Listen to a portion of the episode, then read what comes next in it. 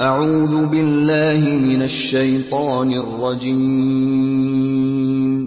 بسم الله الرحمن الرحيم Surah 6, Al-An'am, Meccan period. Title The title refers to verses 136 FF, which dispel the superstitions common in Arabia regarding the unlawfulness of various types of cattle. Period of revelation. According to a tradition from Ibn Abbas, the surah was revealed as one piece in Mecca. Asma bint Yazid, the cousin of Muad bin Jabal, says, when this surah was being revealed to the Prophet, peace be upon him, he was mounted on a she-camel, whose nose string I was holding in my hand. The burden on the she-camel was so excessive that it seemed as if her bones would soon snap into pieces.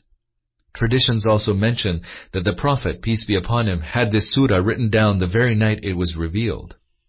From a glance at the subjects discussed, it is evident that this surah must have been revealed during the last period of the Prophet's life in Mecca.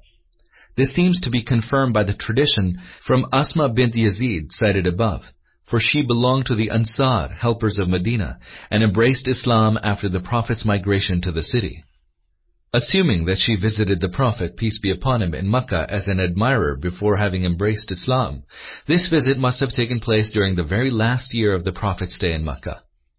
Before that stage, relations between the Prophet, peace be upon him, and the people of Medina were not so close as to have occasioned a visit by a woman.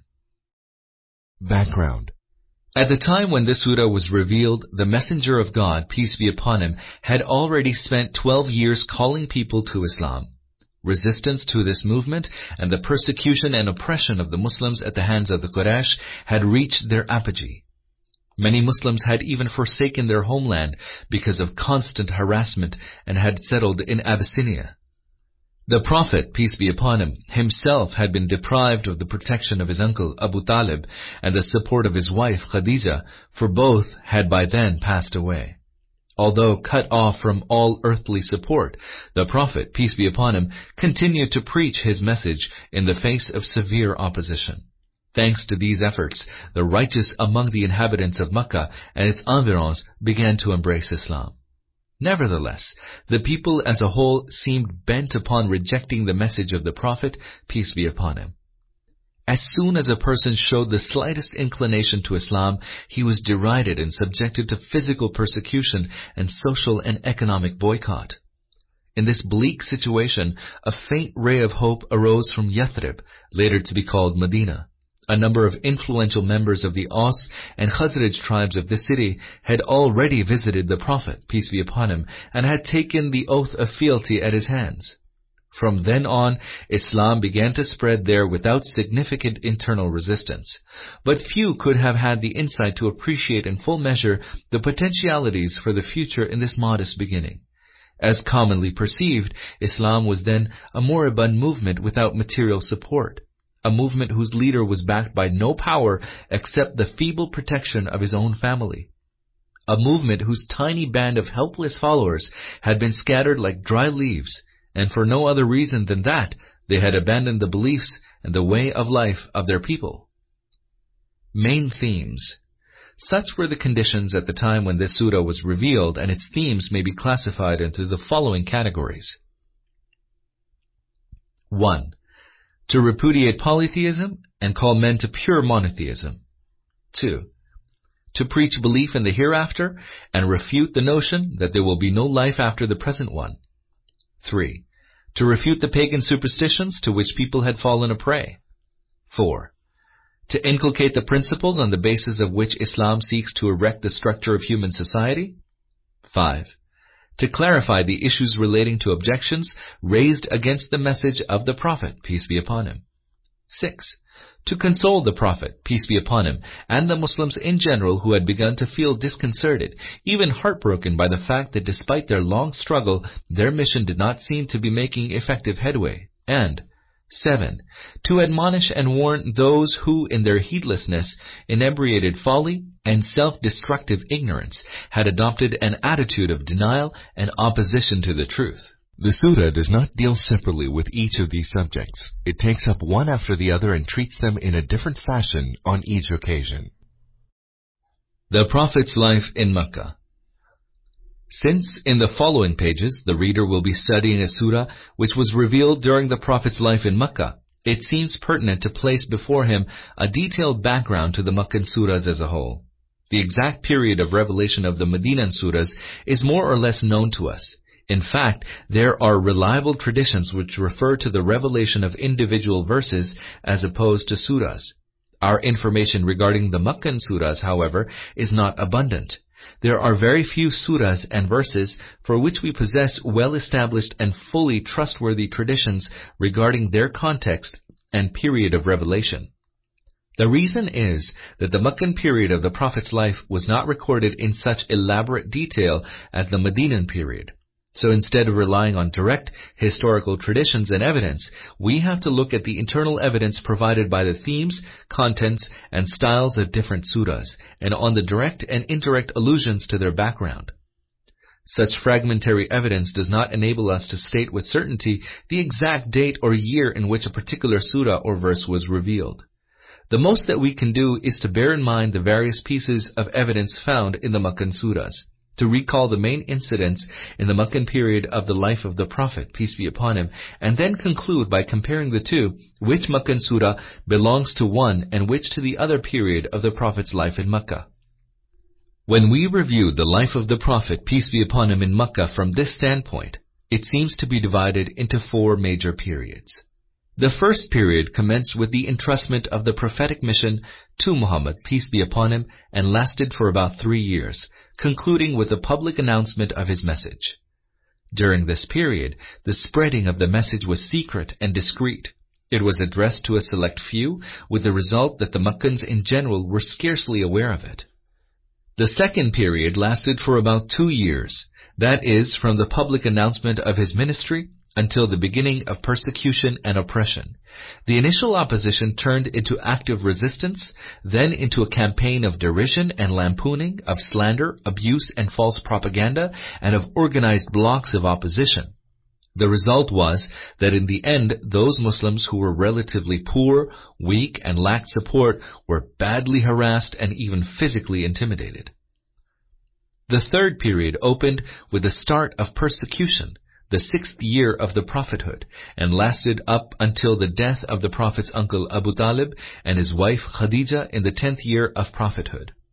This period, therefore, lasted for about five or six years.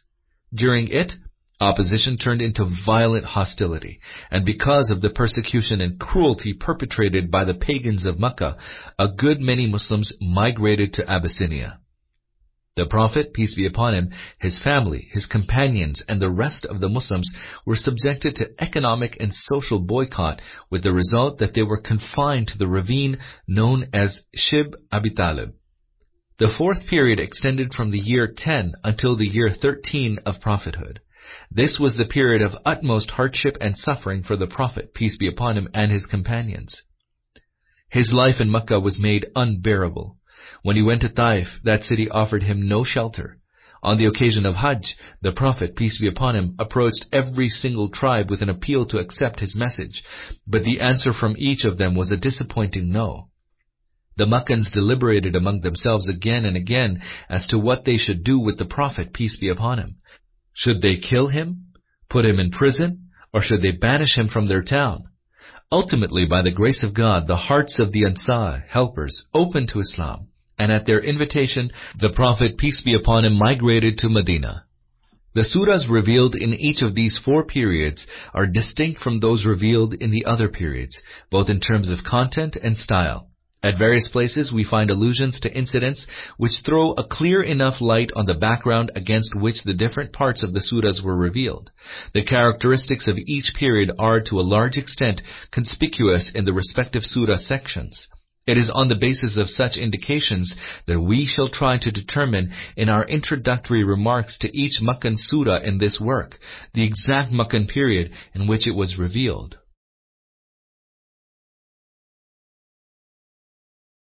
بسم الله الرحمن الرحيم In the name of Allah, the most merciful, the most compassionate. الحمد لله الذي خلق السماوات والأرض وجعل الظلمات والنور ثم الذين كفروا بربهم يعدلون All praise is for Allah alone, who created the heavens and the earth, and brought into being light and darkness. And yet those who have rejected the call of the truth ascribe others to be equals to their Lord. Ascribe others to be equals to their Lord. Remember that, although polytheists, the Arabs to whom these verses are addressed did acknowledge God as the creator of the heavens and the earth, who causes day to alternate with night, and who has brought into existence the sun and the moon. None of them attributed any of these acts to either Allat, Al-Hubal, Al-Uzza, or any other deities. Why then should they prostrate themselves before others besides the Creator? Why should they offer their prayers and supplications to any but God? The actual word that has been used in the original text for darkness is in the plural. The contrast with the singular light is significant. Whereas light is one, there can be innumerable degrees of darkness, which is the absence of light. هو الذي خلقكم من طين ثم قضى أجلا وأجل مسمى عنده ثم أنتم تمترون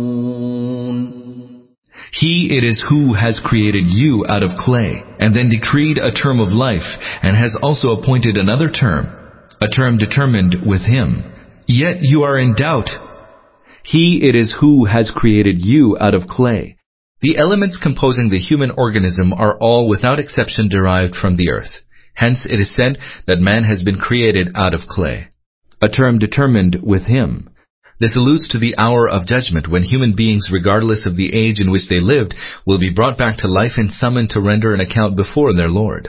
وهو الله في السماوات وفي الأرض يعلم سركم وجهركم ويعلم ما تكسبون And He it is who is one true God in the heavens and in the earth.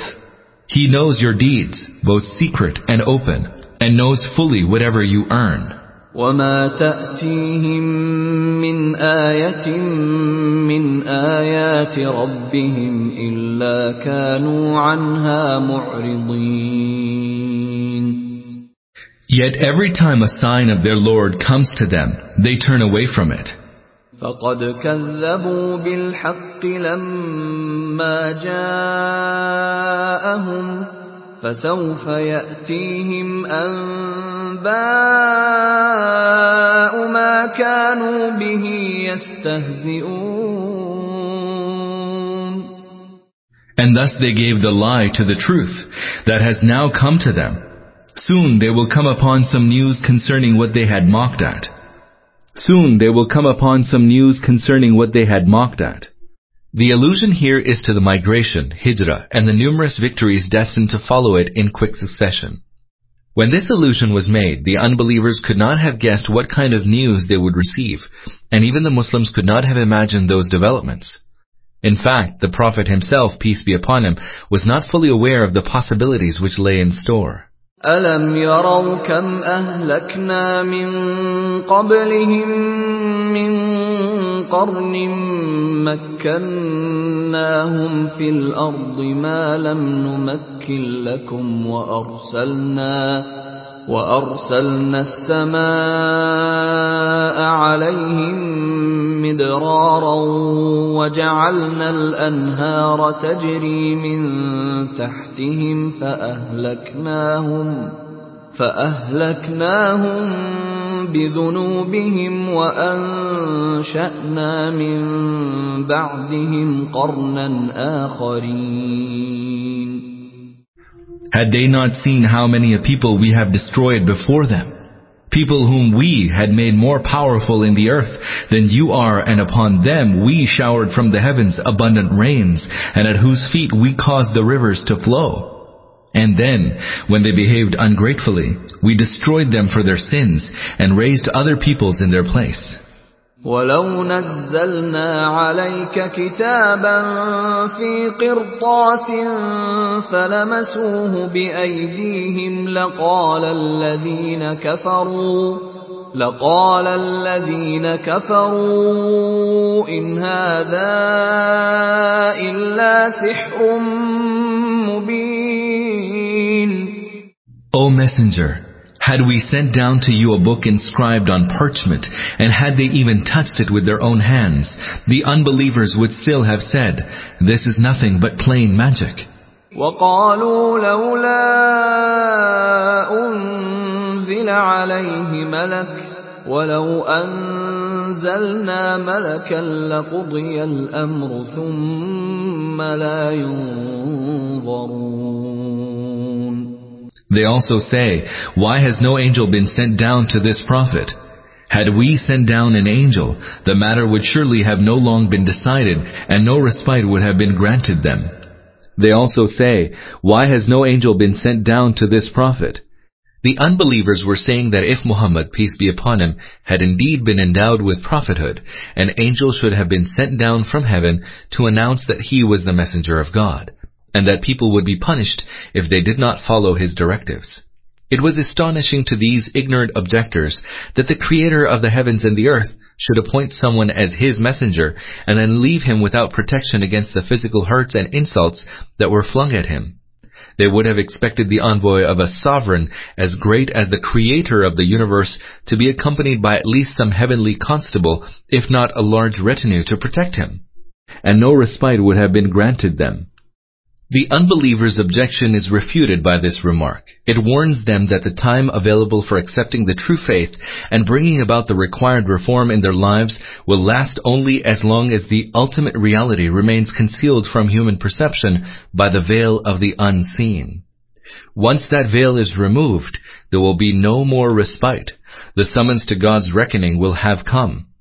This earthly life is a test of whether a man is able to recognize the ultimate reality even though it lies hidden from his sense perception, by the correct exercise of his reason and intellect, and of whether having once recognized it, he is able to behave in conformity with that reality by exercising control over his animal self and its lusts.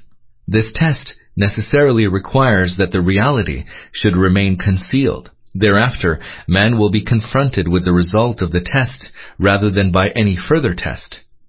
Until God has decided to bring the term of their test to a close, it is not possible to respond to such requests by sending angels to them in their true form. ولو جعلناه ملكا لجعلناه رجلا وللبسنا عليهم ما يلبسون had we appointed an angel, we would have sent him down in the form of a man, and thus we would have caused them the same doubt which they now entertain. And thus we would have caused them the same doubt which they now entertain. This is the second point in response to the unbeliever's objection. One possible form in which the angel could have appeared is in its true non-terrestrial form. It has already been pointed out that the time for this has not arrived. Alternatively, angels could have come down in human form, but this would have left the unbelievers facing the same difficulty as they face with regard to whether the Prophet Muhammad, peace be upon him, had been designated by God or not. ولقد استهزئ برسل من قبلك فحاق بالذين سخروا فحاق بالذين سخروا منهم ما كانوا به يستهزئون And indeed before your time, O Muhammad, peace be upon him, many a messenger has been scoffed at, but those who mocked at them were encompassed by the truth they had scoffed at. قل سيروا في الأرض ثم انظروا كيف كان عاقبة المكذبين Say, go about journeying the earth, and behold the end of those who gave the lie to the truth.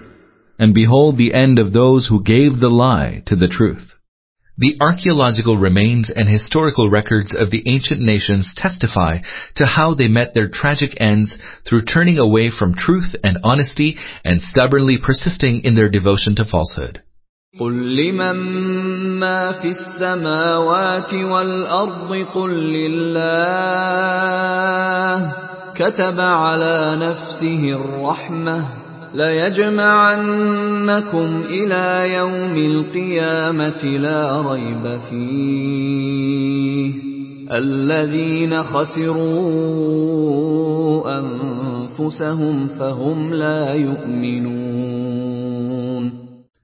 Ask them, To whom belongs all that is in the heavens and on the earth? Say, Everything belongs to Allah. He has bound Himself to the exercise of mercy, and thus does not chastise you for your disobedience and excesses instantly. Surely, He will gather you all together on the day of resurrection, the coming of which is beyond doubt. But those who have courted their own ruin are not going to believe. Ask them, To whom belongs all that is in the heavens and on the earth? The subtlety of this expression should not go unnoticed. The unbelievers are asked to whom belongs whatever exists in either the heavens or on the earth. The inquirer then pauses to wait for the answer. Those questioned are themselves convinced that all belongs to God, yet while they dare not respond falsely, they are nevertheless not prepared to give the correct answer. Fearing that their response may be used as an argument against their polytheistic beliefs, they keep quiet. At this, the inquirer is told to answer the question himself and to say that all belongs to God. وله ما سكن في الليل والنهار وهو السميع العليم And to him belongs all that dwells in the night and the day. He is all-hearing, all-knowing.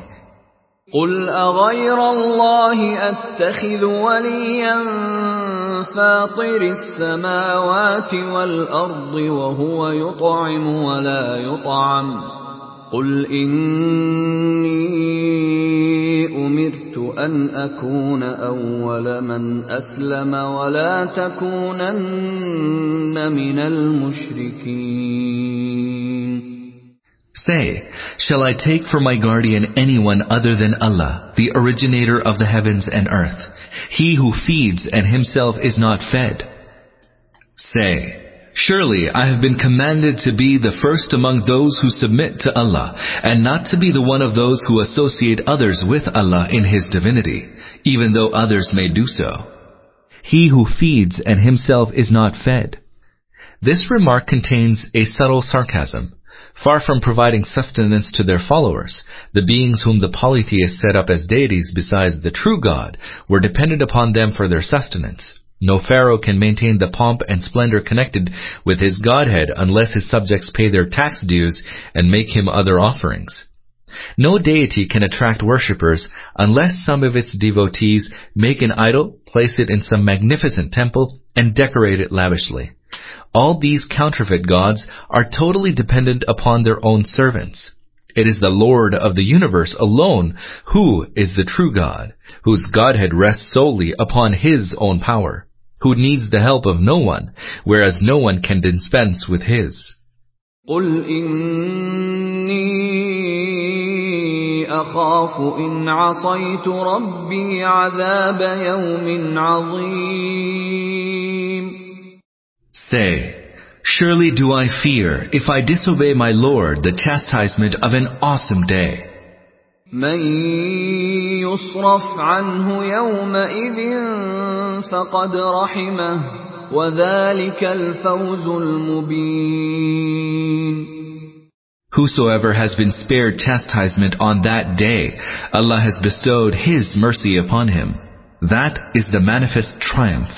وإن يمسسك الله بضر فلا كاشف له إلا هو وإن يمسسك بخير فهو على كل شيء قدير Should Allah touch you with affliction, there is none to remove it but He.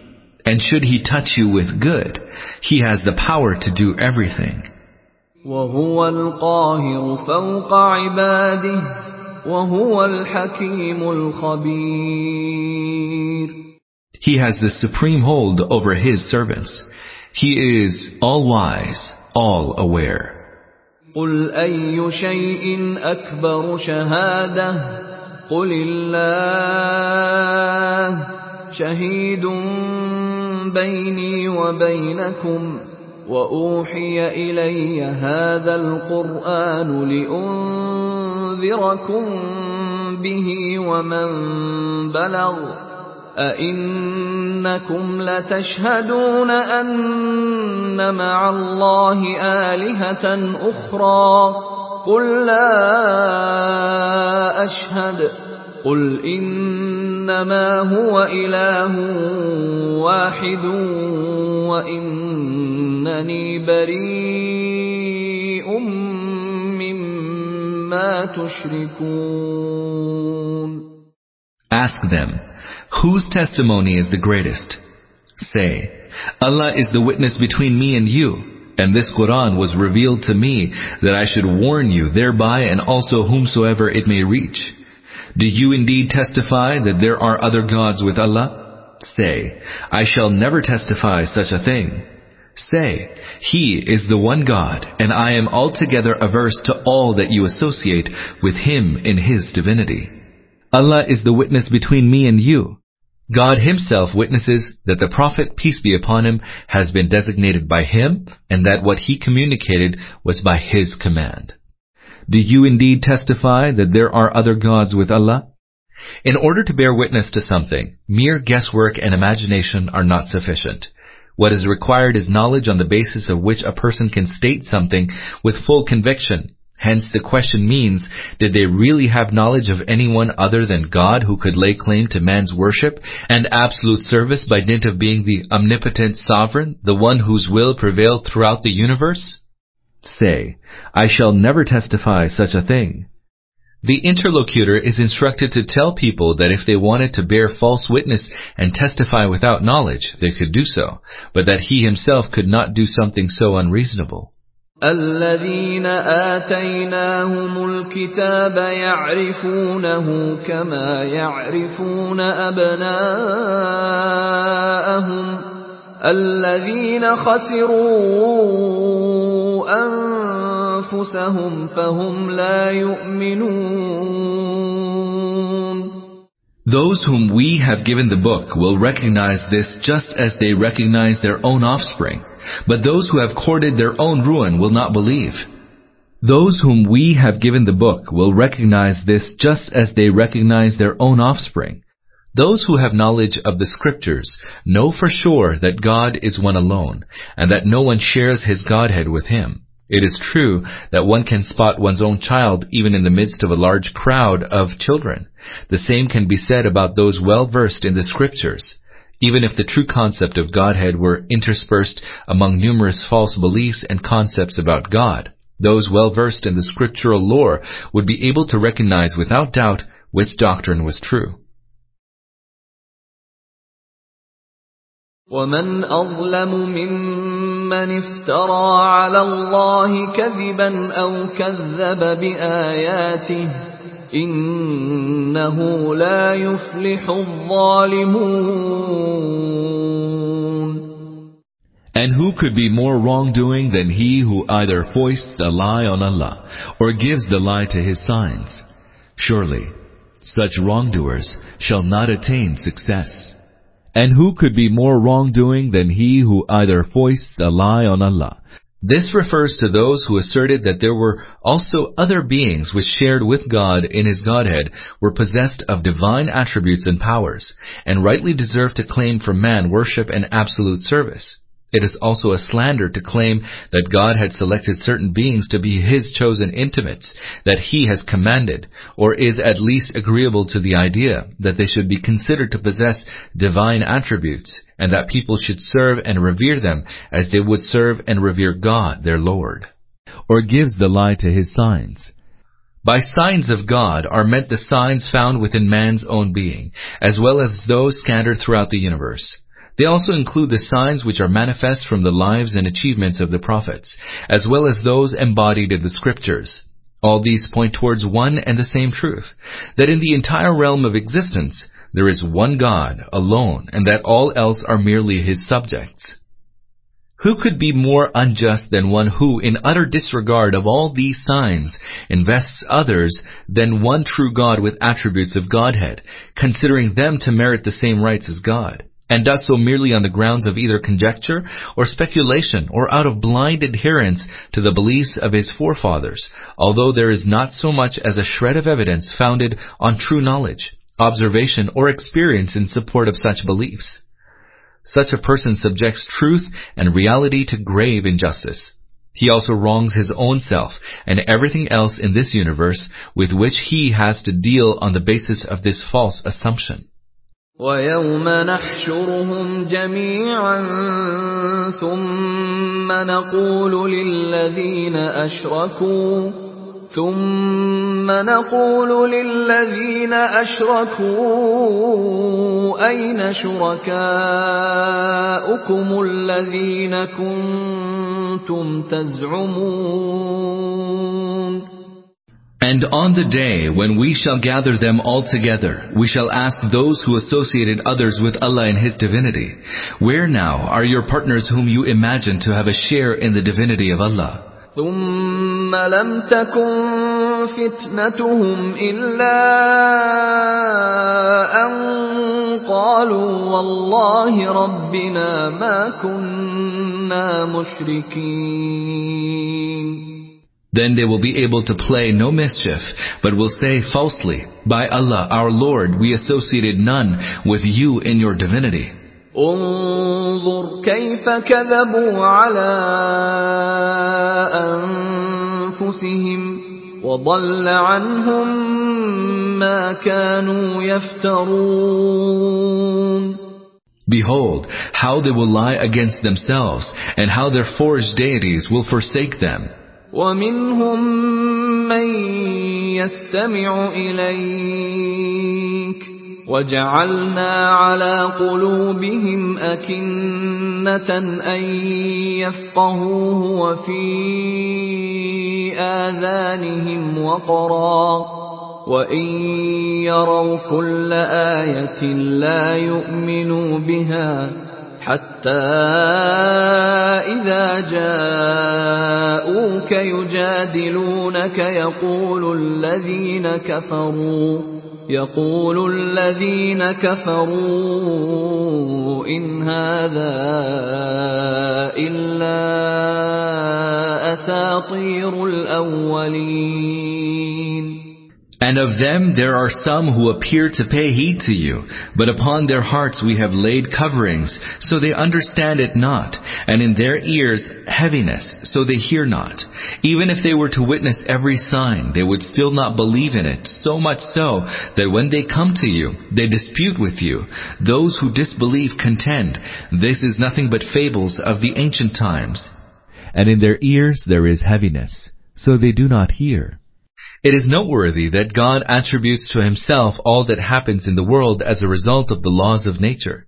Since these laws were made by God himself, the effects which result from their operation are also ultimately due to the will and permission of God. The refusal on the part of unbelievers to heed the call of the truth, even when it is clear and audible, stems from their obstinacy, prejudice, mental rigidity, and inertia. It is a law of nature that when a man is not prepared to rise above prejudice in his quest for the truth, his heart closes to every truth which is opposed to his desires. We can describe this condition by saying that the heart of that person has become sealed, and when God describes it, He does so by saying that He had sealed the heart of the person concerned. The explanation of this paradox is that whereas we describe merely an incident, God describes its ultimate cause. This is nothing but fables of ancient times. Whenever ignorant people are called to the truth, they are liable to say that there is nothing novel about it. that it is merely a repetition of things that have come down from the past, as if in their view every truth must be new, and whatever is old must of necessity be false, although truth has always been one and the same and will remain so. All those who have come forward to lead people in the light of God given knowledge have been preaching one and the same truth from the time immemorial and all those who will benefit from this valuable source of human knowledge in the future are bound to repeat the same old truths. Novelties can be invented only by those who, being bereft of the light of divine guidance, are incapable of perceiving the eternal truth, preferring to weave altogether new ideas out of their imagination, and to put them forward as truth. وهم ينهون عنه وينأون عنه وإن يهلكون إلا أنفسهم وما يشعرون As for others, they prevent them from embracing the truth, and themselves they flee from it so as to harm you. But they court their own ruin, although they do not realize it. ولو ترى إذ وقفوا على النار فقالوا فقالوا يا ليتنا نرد ولا نكذب بآيات ربنا ونكون من المؤمنين. If you could but see when they shall be made to stand by the fire, they will plead, Would that we were brought back to life, then we would not give the lie to the signs of our Lord and would be among the believers. بل بدا لهم ما كانوا يخفون من قبل ولو ردوا لعادوا لما نهوا عنه وإنهم لكاذبون no, they will say this merely because the truth which they had concealed will become obvious to them. Or else, if they were sent back, they would still revert to what was forbidden to them. So this plea of theirs would be a lie too, for they are just liars. Which they had concealed will become obvious to them.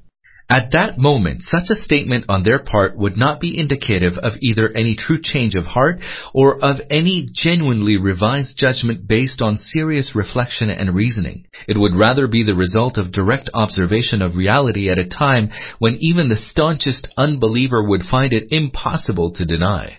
وقالوا إن هي إلا حياتنا الدنيا وما نحن بمبعوثين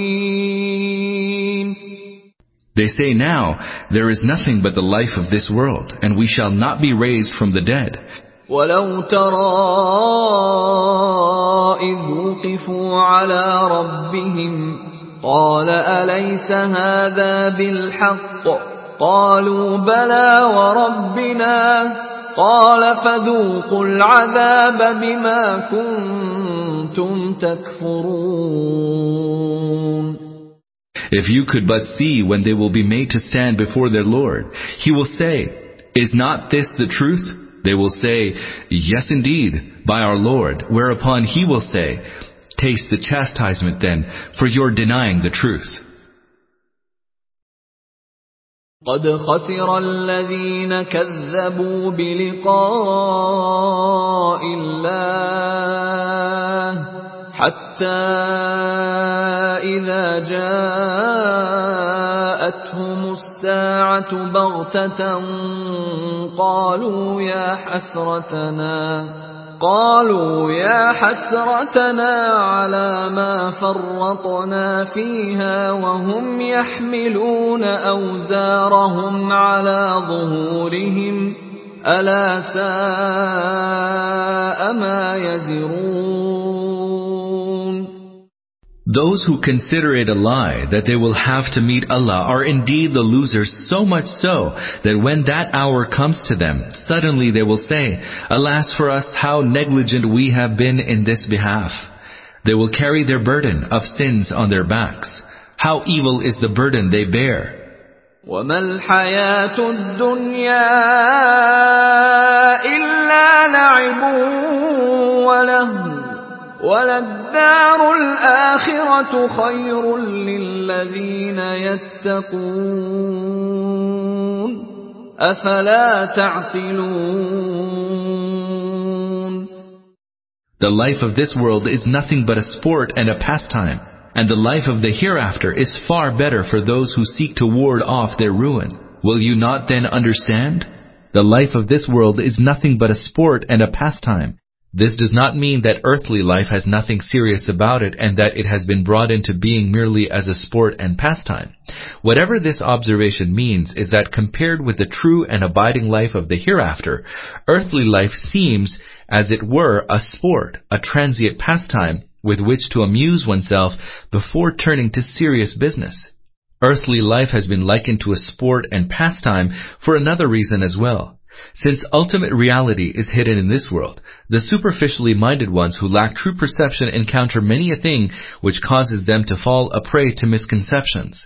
As a result of these misconceptions, such persons indulge in a variety of actions which are so blatantly opposed to reality that their life seems to consist merely of sport and pastime.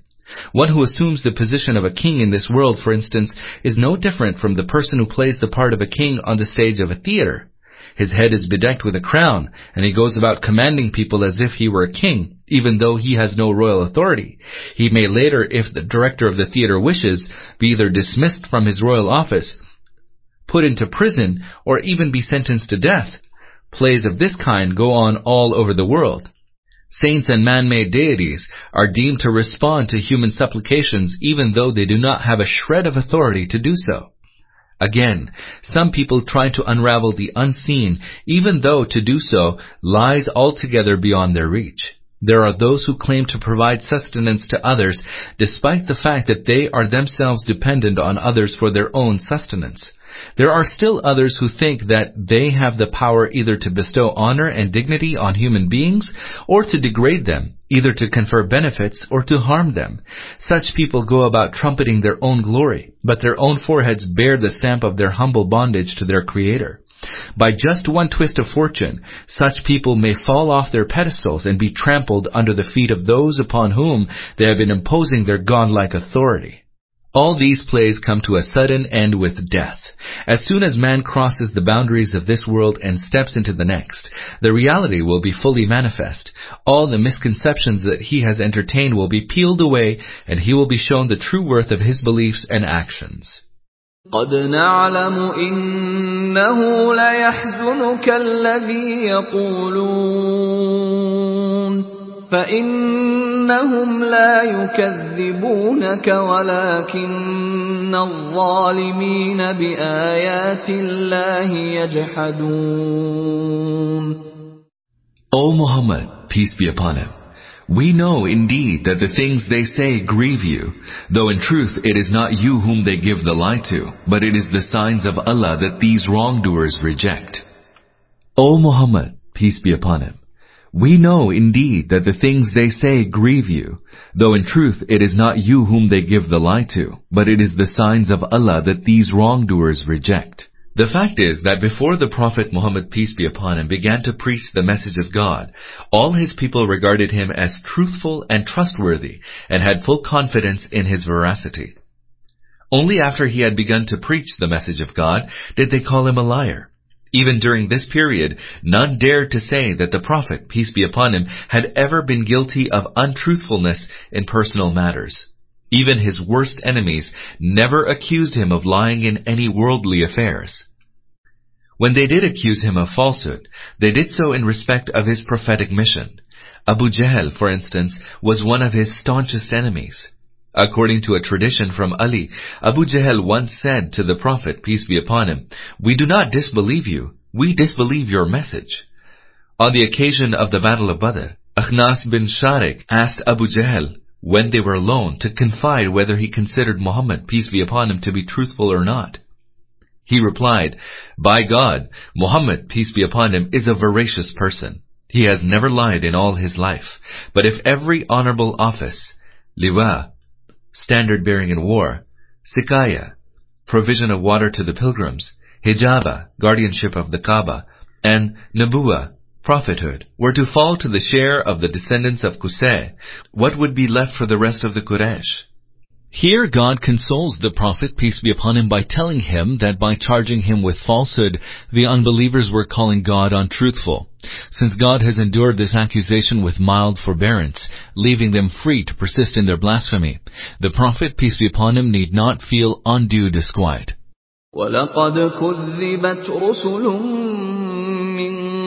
قبلك فصبروا على ما كذبوا وأوذوا حتى أتاهم نصرنا ولا مبدل لكلمات الله. ولقد جاءك من نبأ المرسلين. Messengers before you have been given the lie to, and they endured with patience, their being given the lie to and being persecuted until the time when our help reached them. None has the power to alter the words of Allah. Indeed, some account of the messengers has already reached you. None has the power to alter the words of Allah. The point emphasized here is that no one has the power to change God's law regarding the conflict between truth and falsehood. Lovers of truth must of necessity pass through trials and persecutions so as to be gradually tempered. Their endurance, their honesty of conviction, their readiness to sacrifice, and to undertake all risks for their cause, the strength of their faith, and the extent of their trust in God must be tested. They must pass through this phase of persecution to develop in themselves those qualities which can be developed nowhere else but on earth. They are also required to defeat the forces of ignorance by virtue of their moral excellence and the nobility of their character. Only after they have established their moral superiority over their adversaries will God's help arrive. No one can secure that help beforehand. وإن كان كبر عليك إعراضهم فإن استطعت أن تبتغي نفقا في الأرض أو سلما في السماء فتأتيهم بآية ولو شاء الله لجمعهم على الهدى فلا تكونن من الجاهلين Nevertheless, if their turning away grieves you, then seek, if you can, either a way down into the earth or a ladder to the heavens, and try to bring to them some sign. Had Allah so willed, He would have gathered them all to the true guidance. Do not then be among the ignorant. And try to bring to them some sign. The Prophet, peace be upon him, saw that even though he had spent a long time admonishing his people, they did not seem inclined to heed his call. As a result, he sometimes wished for the appearance of some extraordinary sign of God that would undermine the stubbornness of his people and lead them to accept his guidance. This verse embodies God's response to the Prophet's desire.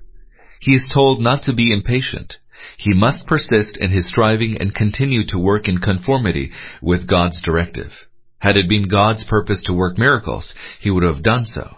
But God did not consider that to be either the appropriate method for bringing to a successful completion the required intellectual and moral revolution for the evolution of a sound, healthy civilization. Well, then, if the Prophet, peace be upon him, could not bear patiently with the attitude of stubbornness and rejection prevalent among his people, and if he thought it necessary to make them witness a tangible sign of God, let him muster all his strength and try to cleave the earth or climb a ladder to the heavens and bring forth a miracle powerful enough to change the unbelief of the unbelievers into belief. He is told, however, that in this regard he should not expect God to fulfill his wish, for such things have no place in God's scheme. Do not then be among the ignorant. Had it been required that all people should be driven to the truth, there would have been no need to send prophets, to reveal heavenly books, to direct believers to engage in struggles against unbelievers, and to make the message of truth pass through the necessary stages until fulfillment is reached. The result could have been achieved by a single sign of God's creative will. God, however, did not want things to happen that way. He preferred the truth to be set before people with its supporting arguments, so that by a proper exercise of their rational judgment, they should recognize it for what it was, and thereafter freely choose to embrace it as their faith. By molding their lives in conformity with this truth, such people should demonstrate their moral superiority over the devotees of falsehood. They should continually attract men of sound morals by the force of their arguments, by the loftiness of their ideals, by the excellence of their principles, and by the purity of their lives. They should thus reach their goal, the establishment of hegemony of the true faith, by the natural and gradual escalation of strife against falsehood. God will guide them in the performance of this task and will provide them with whatever help they merit during the various stages of their struggle. But if anyone wishes to evade this natural course and wants God to obliterate corrupt ideas and to spread healthy ones in their stead, to root out a corrupt civilization and put a healthy one in its place by exercising His omnipotent will, let him know that this will not come about.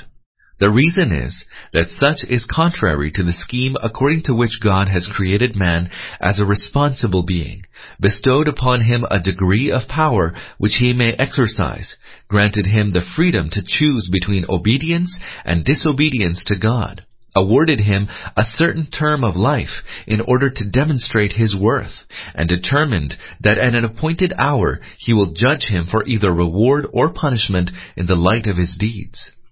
إنما يستجيب الذين يسمعون والموتى يبعثهم الله ثم إليه يرجعون Only they who listen can respond to the call of truth. As for the dead, Allah will raise them and then to Him they will be returned. As for the dead, those who hear refers to those whose consciences are alive, who have not atrophied their intellect and reason, and who have not closed their hearts to the truth out of irrational prejudice and mental inflexibility. In contrast to such people are those who are characterized as dead, who blindly follow the old familiar beaten tracks and can never deviate from the ways they have inherited, even when these ways are plainly at variance with the truth. وقالوا لولا نزل عليه آية من ربه قل إن الله قادر على أن ينزل آية ولكن أكثرهم لا يعلمون. And they say, why has no miraculous sign been sent down to him from his Lord? Say, surely Allah has the power to send down a sign, but most of them do not know. Say, surely Allah has the power to send down a sign, but most of them do not know. The word ayah here signifies a tangible miracle. The purpose of the verse is to point out that the reason for not showing a miraculous sign is not God's powerlessness. The true reason is something else which those people in their immaturity have failed to comprehend. وما من دابة في الأرض ولا طائر يطير بجناحيه إلا إلا أمم أمثالكم ما فرطنا في الكتاب من شيء ثم إلى ربهم يحشرون There is no animal that crawls on the earth, no bird that flies with its two wings, but are communities like you. We have neglected nothing in the book of decree. Then to their Lord will they all be mustered. والذين كذبوا بآياتنا صم وبكم في الظلمات من يشاء الله يضلله ومن يشاء يجعله على صراط مستقيم Those who gave the lie to our signs are deaf and dumb and blunder about in darkness. Allah causes whomsoever He wills to stray in error, and sets whomsoever He wills on the straight way. Those who gave the lie to our signs are deaf and dumb and blunder about in darkness. If they are concerned with miraculous signs in order to determine whether or not the message of the Prophet, peace be upon him, is indeed true, then let them look around with open and attentive eyes. If they actually do so, they will find the world full of such signs. Let them take any species of animal or bird they like. They can reflect upon the superbness of its organic structure. They will notice how its instinctive urges are in complete conformity with its natural requirements. They will also observe how wonderfully adequate are the arrangements for providing it with nourishment, how marvelously well determined are the limits within which it lives, how tremendously efficient is the system under which each living creature is protected, provided for, looked after, and directed towards self-fulfillment how strictly each one is fitted into the framework of the discipline devised for it, and how very smooth is the operation of the whole system of birth, procreation, and death. Were one to reflect on this alone from among the innumerable signs of God, one would perceive fully how true the teaching of the Prophet, peace be upon him, is concerning the unity and other attributes of God, and how necessary it is to live a righteous life, in conformity with the concept of God propounded by him. But their eyes were neither open to perceive the truth, nor their ears open to heed admonition. Instead, they remained ignorant, preferring to be entertained by the performance of wondrous feats. And sets whomsoever he wills on the straight way. God's act of misguiding a man consists in not enabling one who cherishes his ignorance to observe the signs of God. The fact is that if a biased person, one who has no real love of the truth, were to observe the signs of God, he might still fail to perceive it. Indeed, all those things which cause misconception and confusion would probably continue to alienate him from it. God's act of true guidance consists in enabling a seeker after the truth to benefit from the sources of true knowledge, so that he constantly delivers sign after sign, leading him ultimately to the truth. A myriad of cases are encountered daily to illustrate this. We notice that a great many people pass inattentively over the countless signs of God that are scattered all over the world, and ignore even those signs which are manifest in human beings as well as in animals. It is little wonder, then, that they derive no lesson from all these signs. There are many who study zoology, botany, biology, geology, astronomy, physiology, anatomy, and other branches of natural science. Others study history, archaeology, and sociology. During the course of each studies, they come across many signs of God which, if they cared to look at them in the correct perspective, might fill their hearts with faith. But since they commence their study with a bias, and are actuated only by the desire to acquire earthly advantages, they fail to discover the signs which could lead them to the truth. On the contrary, each of those very signs of God contributes to pushing them towards atheism, materialism, and naturalism. At the same time, the world is not empty of those truly wise ones who view the universe with open eyes. For them, even the most ordinary phenomenon of the universe directs them to God. قل أرأيتكم إن أتاكم عذاب الله أو أتتكم الساعة أغير الله تدعون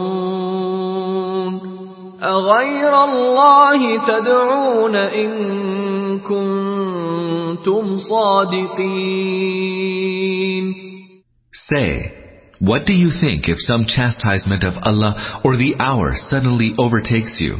Do you cry to any other than Allah? Answer if you speak the truth.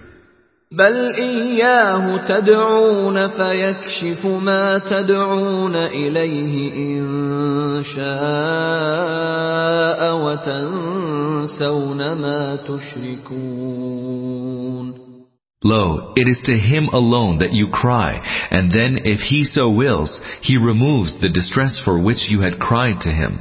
Then you forget the partners you had set up with Allah. Then you forget the partners you had set up with Allah. Attention is now drawn towards another sign, one observable even in the lives of those who deny the truth. When either some great calamity befalls a man, or when death starkly stares him in the face, it is only to God that he turns for refuge. On such occasions, even the staunchest polytheists forget their false gods and cry out to the one true God, and even the most rabid atheists stretch out their hands in prayer to Him. This phenomenon is mentioned here in order to draw an instructive lesson. It shows that devotion to God and monotheism are ingrained in the human soul. No matter how overlaid this truth might be, someday it shakes off man's heedlessness and ignorance and manifests itself fully. It was the observation of this sign which had led Ikrama, the son of Abu Jahl, to the true faith. For when Makkah was conquered at the hands of the Prophet, peace be upon him, Ikrama fled to Jeddah and sailed from there towards Abyssinia.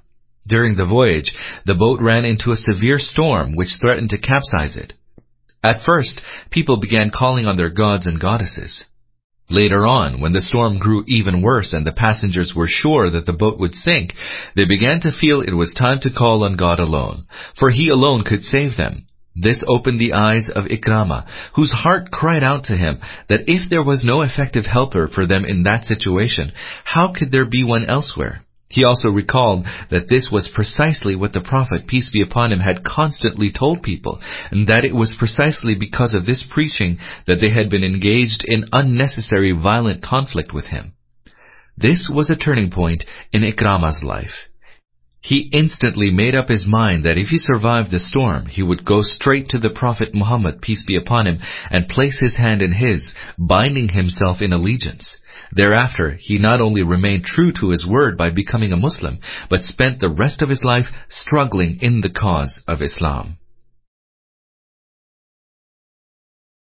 ولقد أرسلنا إلى أمم من قبلك فأخذناهم فأخذناهم بالبأساء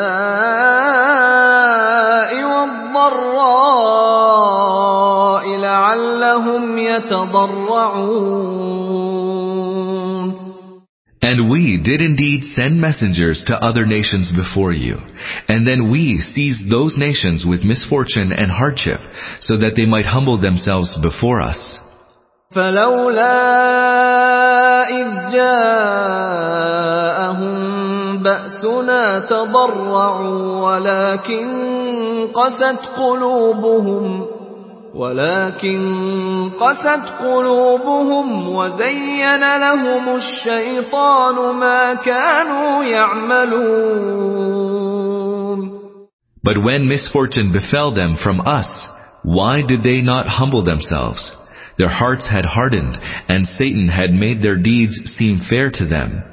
فلما نسوا ما ذكروا به فتحنا عليهم أبواب كل شيء حتى إذا فرحوا حتى إذا فرحوا بما أوتوا أخذناهم بغتة فإذا هم مبلسون So, when they forgot what they had been reminded of, we opened the gates of all things so that while they rejoiced in what they had been granted, we seized them suddenly and they were plunged into utter despair. فقطع دابر القوم الذين ظلموا والحمد لله رب العالمين Thus, the last remnant of those wrongdoing people was cut off. All praise is for Allah, the Lord of the entire universe, for having punished them so.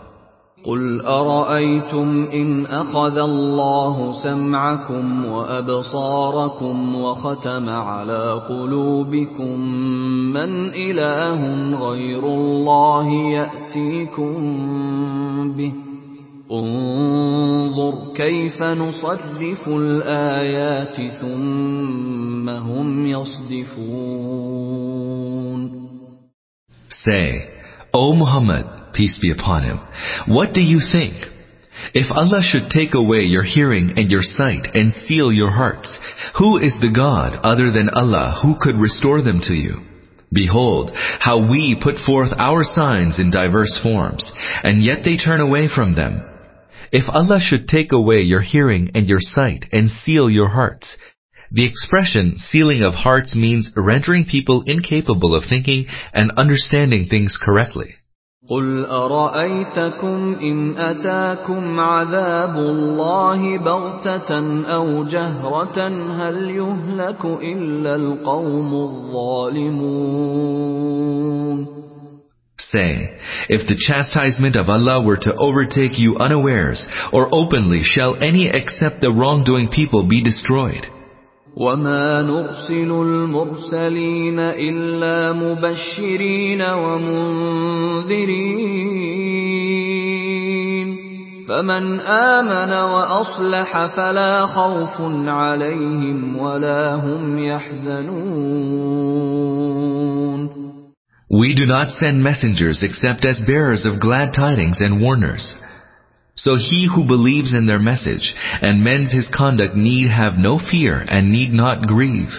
والذين كذبوا بآياتنا يمسهم العذاب بما كانوا يفسقون Whereas those who give the lie to our signs, chastisement will visit them for their transgression. قل لا أقول لكم عندي خزائن الله ولا أعلم الغيب ولا أقول لكم إني ملك إن أتبع إلا ما يوحى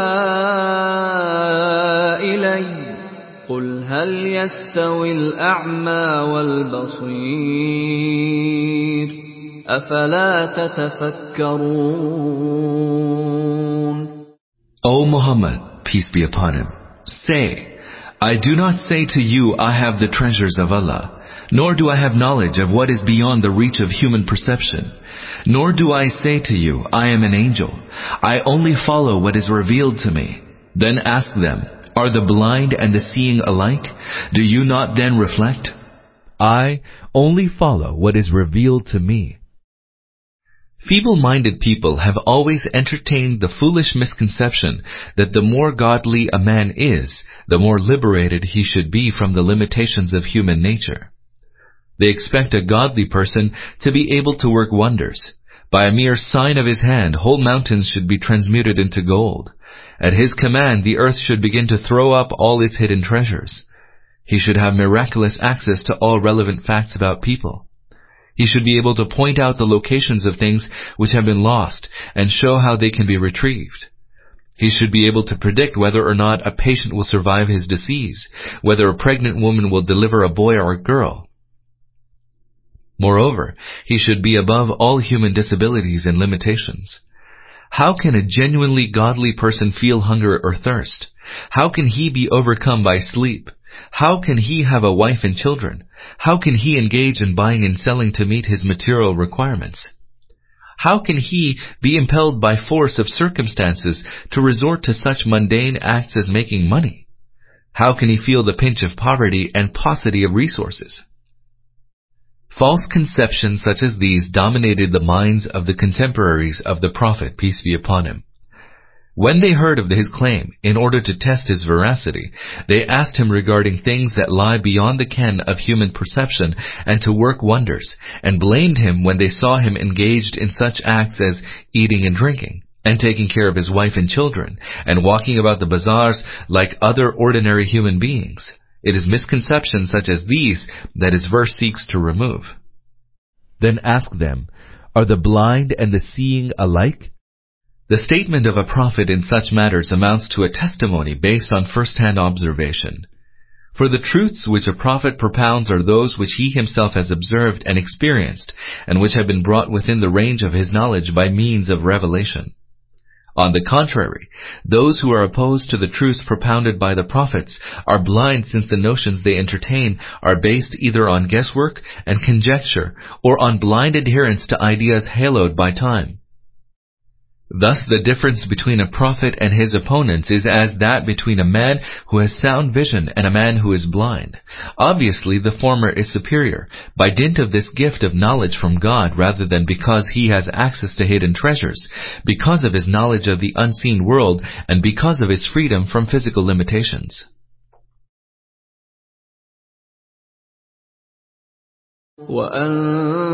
وأنذر بِهِ الَّذِينَ يَخَافُونَ أَن يُحْشَرُوا إِلَى رَبِّهِمْ لَيْسَ لَهُم مِّن دُونِهِ لَيْسَ لَهُم مِّن دُونِهِ وَلِيٌّ وَلَا شَفِيعٌ لَّعَلَّهُمْ يَتَّقُونَ. And warn with this revealed message those who fear that they shall be mustered to their Lord, that there will be none apart from Allah to act as their protector and intercessor. Then maybe they will become God-fearing. Then maybe they will become God-fearing. Those who are too deeply immersed in the allurements of earthly life to think either of death or of their being brought to stand before God, for His judgment can hardly benefit from such admonitions. Likewise, such admonitions have no wholesome effect on those who cherish the illusion that because of their attachment to some holy personage who will intercede on their behalf, they will come to no harm in the hereafter. The same applies to those who believe that someone has already obtained their redemption by expiating their sins. The Prophet, peace be upon him, is therefore asked to disregard such persons and to attend to those who are conscious, those with no false illusions. Only these people are susceptible to admonitions and can be expected to reform themselves. ولا تطرد الذين يدعون ربهم بالغداة والعشي يريدون وجهه ما عليك من حسابهم من شيء وما من حسابك عليهم من شيء فتطردهم فتكون من الظالمين And do not drive away those who invoke their Lord in the morning and the evening, seeking His pleasure all the time. You are by no means accountable for them, just as they are by no means accountable for you. If you still drive them away, you will become among the wrongdoers. Seeking His pleasure all the time. One of the objections raised by the chiefs and the affluent members of the Quraysh was that the Prophet, peace be upon him, had gathered around him a host of slaves, clients, mawali, and others belonging to the lower strata of society. They used to scoff at the fact that men of such humble social standing as Bilal, Ammar, Suhaib, and Khabab had joined his ranks. They wondered if they happened to be the only chosen ones of the Quraysh in the sight of God. They not only poked fun at the financial distress of these people, but also attacked them for any weakness of character they had before accepting Islam. They went about saying sarcastically that those had been such and such in the past had now become part of the chosen community. You will become among the wrongdoers. That is, everyone is personally responsible for his deeds, whether good or bad. The Prophet, peace be upon him, is told that he will neither have to explain to God the conduct of the converts, nor will the latter be required to explain his conduct. They can neither usurp his good deeds, nor transfer their own misdeeds to his account. There is, therefore, no reason for the Prophet, peace be upon him, to alienate those who approach him as seekers after truth. وكذلك فتنا بعضهم ببعض ليقولوا ليقولوا أهؤلاء من الله عليهم من بيننا أليس الله بأعلم بالشاكرين Thus we have made some of them a means for testing others, so that they should say, Are these the ones among us upon whom Allah has bestowed His favor? Yes, does Allah not know well who are the thankful? Thus, we have made some of them a means to test others. By enabling the poor and the indigent, the people who have a low station in society to precede others in believing, God has put those who wax proud of wealth and honor to a severe test. وَإِذَا جَاءَكَ الَّذِينَ يُؤْمِنُونَ بِآيَاتِنَا فَقُلْ سَلَامٌ عَلَيْكُمْ فَقُلْ سَلَامٌ عَلَيْكُمْ كَتَبَ رَبُّكُمْ عَلَى نَفْسِهِ الرَّحْمَةَ أَنَّهُ مَنْ عَمِلَ مِنكُمْ سوءا بجهالة ثم تاب من بعده وأصلح فأنه غفور رحيم And when those who believe in our signs come to you, say to them, Peace be upon you. Your Lord has made mercy incumbent upon himself, so that if any one of you does a bad deed out of ignorance and thereafter repents and makes amends, surely you will find him all forgiving, all compassionate. Surely you will find him all forgiving, all compassionate. Several of those who came to believe in the Prophet, peace be upon him, had committed many serious sins before they embraced Islam. Even though their lives had altogether changed following their conversion, the opposition continued to play up the weaknesses and misdeeds of their past life. The Prophet, peace be upon him, is asked to comfort such persons and to tell them that God does not punish those who sincerely repent their sins and mend their ways. وكذلك نفصل الآيات ولتستبين سبيل المجرمين Thus we clearly set forth our signs so that the way of the wicked might become distinct. That the way of the wicked might become distinct. And thus refers to the whole of the foregoing discussion, beginning with verse 37. And they say, Why has no miraculous sign been sent down to him? The purpose of this remark is to stress that the persistence of some people in their denial of the truth and in their disbelief, in spite of a host of unmistakably clear signs and arguments, was sufficient to prove beyond doubt that they were merely a bunch of criminals. If they persisted in error and transgression, it was neither through any lack of strong arguments in support of the truth, nor, conversely, because of strong arguments in support of falsehood. The reason was rather that they had deliberately chosen to fall into error and transgression. قل إني نهيت أن أعبد الذين تدعون من دون الله قل لا أتبع أهواءكم قد ضللت إذا وما أنا من المهتدين Say, O Muhammad, peace be upon him, I have forbidden to serve those to whom you call other than Allah. Say, I do not follow your desires. For were I to do that, I would go astray and would not be of those who are rightly guided.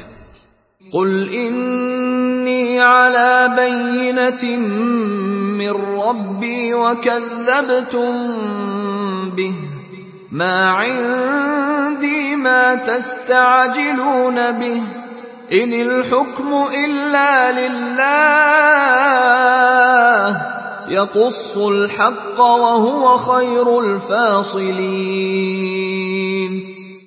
Say, I take stand upon a clear evidence from my Lord, and it is that which you have given the lie to. That which you desire to be hastened is not within my power. Judgment lies with Allah alone. He declares the truth, and He is the best judge. That which you desire to be hastened is not within my power. This alludes to God's punishment. The adversaries questioned why it was they had openly rejected a prophet sent by God, but had not been struck down by God's wrath. They said that the fact of his appointment by God meant that anyone who either disbelieved or insulted him would at once be either plunged into the earth or struck by lightning.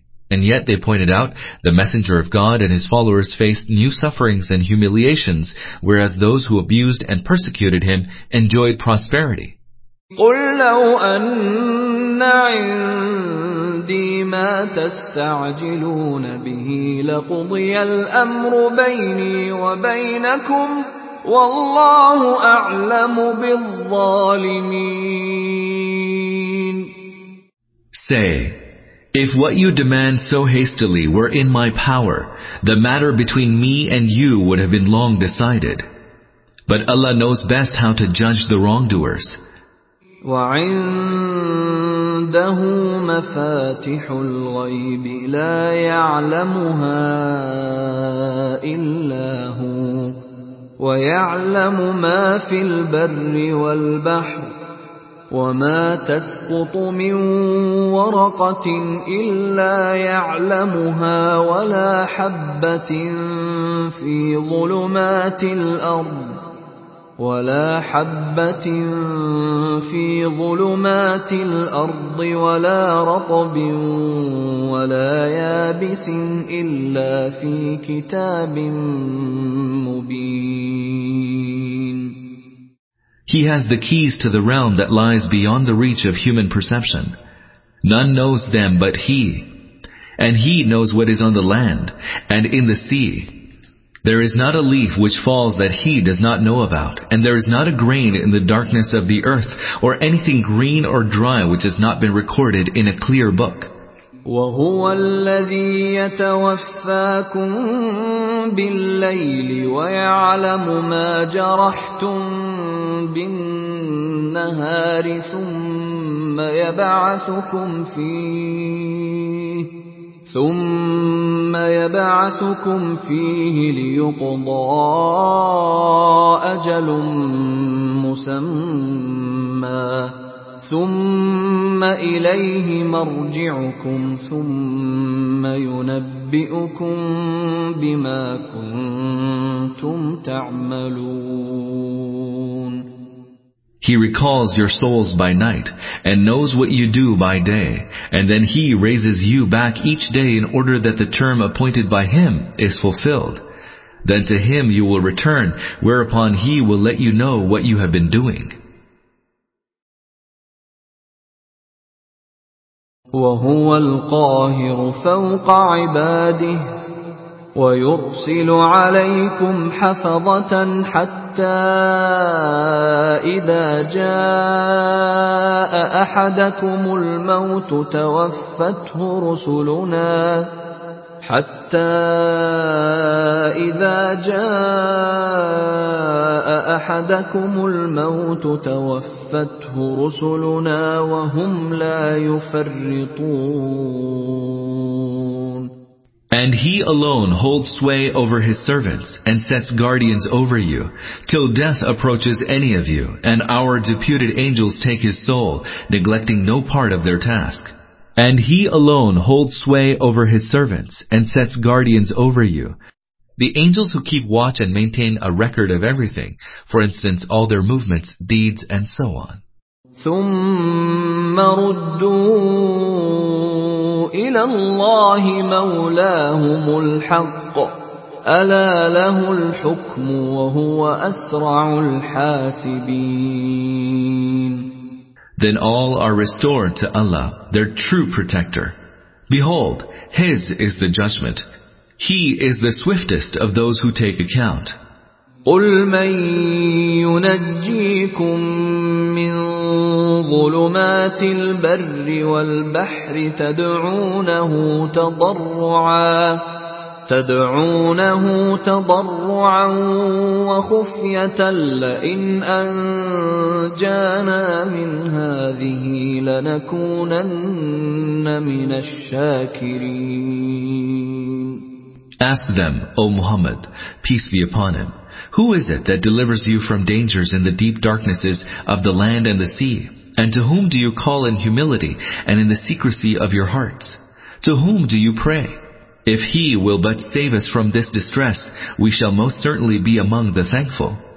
قل الله ينجيكم منها ومن كل كرب ثم أنتم تشركون Say, it is Allah alone who delivers you from this and from every distress, and yet you associate others with Allah in His divinity. And yet you associate others with Allah in His divinity. That God alone possesses all power and authority, and has full control over the things which cause either benefit or harm to men, and that He alone holds the reins of their destiny, are facts to which there is ample testimony in man's own being. For instance, whenever man is faced with a really hard time, and when the resources upon which he normally falls back seem to fail him, he instinctively turns to God. In spite of such a clear sign, people set up partners to God without any shred of evidence that anyone other than God has any share in His power and authority. The anomaly is that even though they are nourished by resources that God alone has created, they acknowledge others than Him to be their lords.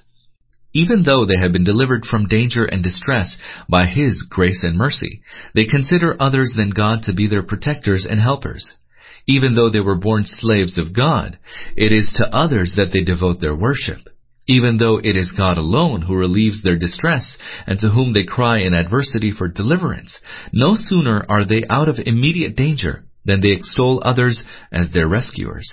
And it is to them rather than to the one true God that they pay homage and make offerings. قل هو القادر على أن يبعث عليكم عذابا من فوقكم أو من تحت أرجلكم أو يلبسكم شيعا ويذيق بعضكم بأس بعض انظر كيف نصرف الآيات لعلهم يفقهون Say, it is He who has the power to send forth chastisement upon you from above you, or from beneath your feet, or split you into hostile groups and make some of you taste each other's violence. Behold, how we set forth our signs in diverse forms, so that maybe they will understand the truth. Behold, how we set forth our signs in diverse forms, so that maybe they will understand the truth. God's punishment can strike in an instant. This is the warning to those who, supposing such punishment to be remote, were growing bolder in their hostility towards the truth. They could be destroyed in a moment by a hurricane. Just a few earthquake tremors could raze villages and cities to the ground. Likewise, a few sparks of hostility could ultimately wreak such havoc among tribes, nations, and countries that bloodshed and lawlessness plague them for years on end. Hence, if they are spared punishments for a while, that should not drug them to heedlessness and lead them to live in total disregard of distinctions between right and wrong. They should rather be grateful that God had given them respite, and by means of a number of signs, He was making it possible for them to recognize the truth and follow it. وكذب به قومك وهو الحق قل لست عليكم بوكيل Your people have denied it, even though it is the truth. Say, I am not a guardian over you. Say, I am not a guardian over you. A prophet is neither required to compel people to see what they are not prepared to see, nor to force into their hearts what they fail to comprehend. It is not a prophet's task to chastise people for failing to see and comprehend the truth. His task is merely to proclaim truth as distinct from falsehood. If people fail thereafter to accept it, they will be overwhelmed by the very misfortunes against which that prophet had warned.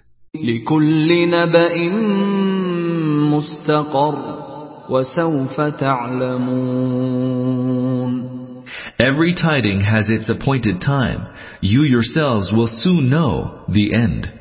وإذا رأيت الذين يخوضون في آياتنا فأعرض عنهم حتى يخوضوا في حديث غيره وإما ينسينك الشيطان فلا تقعد بعد الذكرى مع القوم الظالمين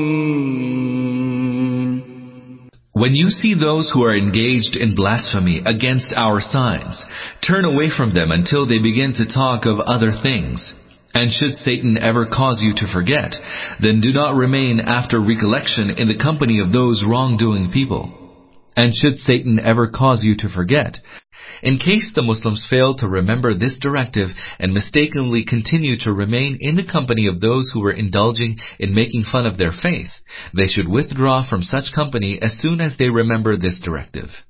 وما على الذين يتقون من حسابهم من شيء ولكن ذكرى ولكن ذكرى لعلهم يتقون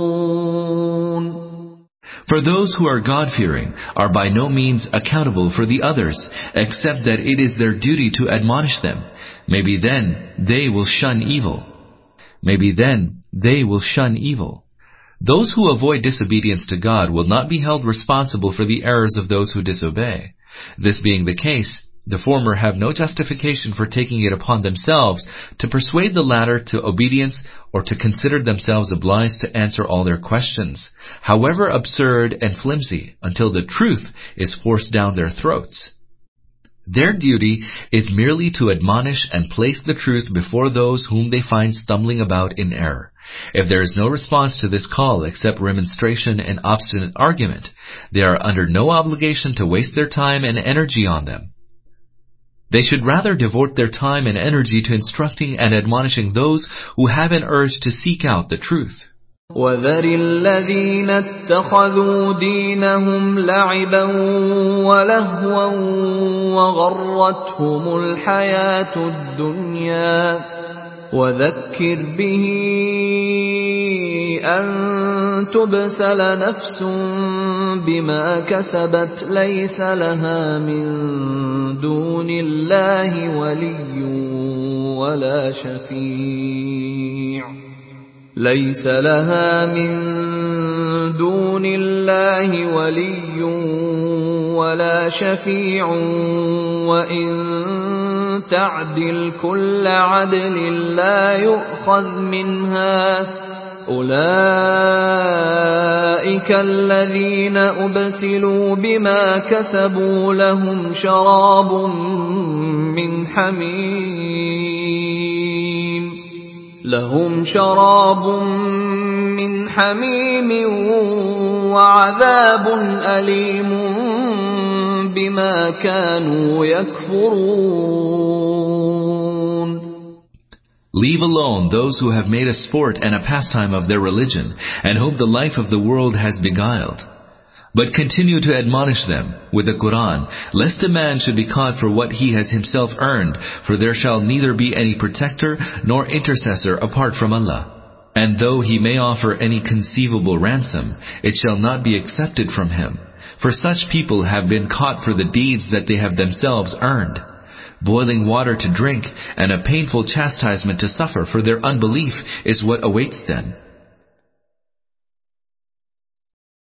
قل أندعو من دون الله ما لا ينفعنا ولا يضرنا ونرد على أعقابنا ونرد على أعقابنا بعد إذ هدانا الله كالذي استهوته الشياطين. كالذي استهوته الشياطين في الأرض حيران له أصحاب يدعونه إلى الهدى ائتنا قل إن هدى الله هو الهدى وأمرنا لنسلم لرب العالمين Ask them, O Muhammad, peace be upon him, shall we invoke apart from Allah something that can neither benefit nor harm us, and thus be turned back on our heels after Allah has guided us? Like the one whom the evil ones have lured into bewilderment in the earth, even though he has friends who call him to true guidance, saying, Come to us, say, Surely Allah's guidance is the only true guidance, and we have been commanded to submit ourselves to the Lord of the entire universe.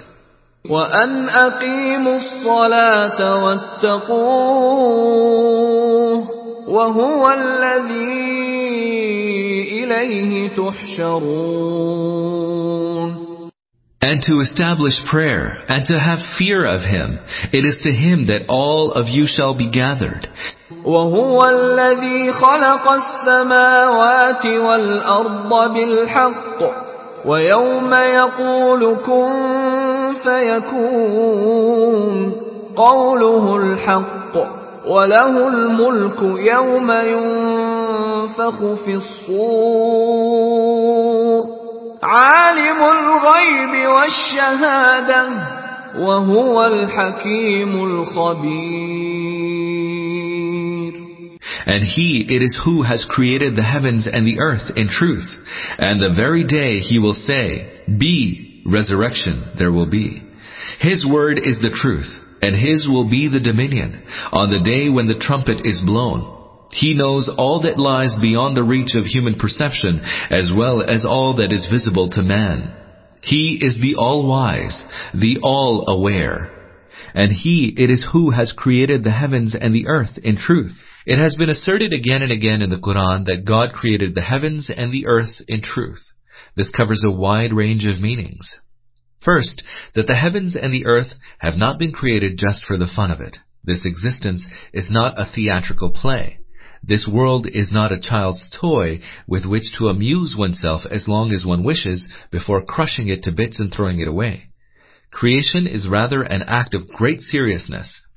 A great objective motivates it, and a wise purpose underlies it. Hence, after the lapse of a certain stage, it is necessary for the Creator to take full account of the work that has been done and to use those results as the basis for the next stage.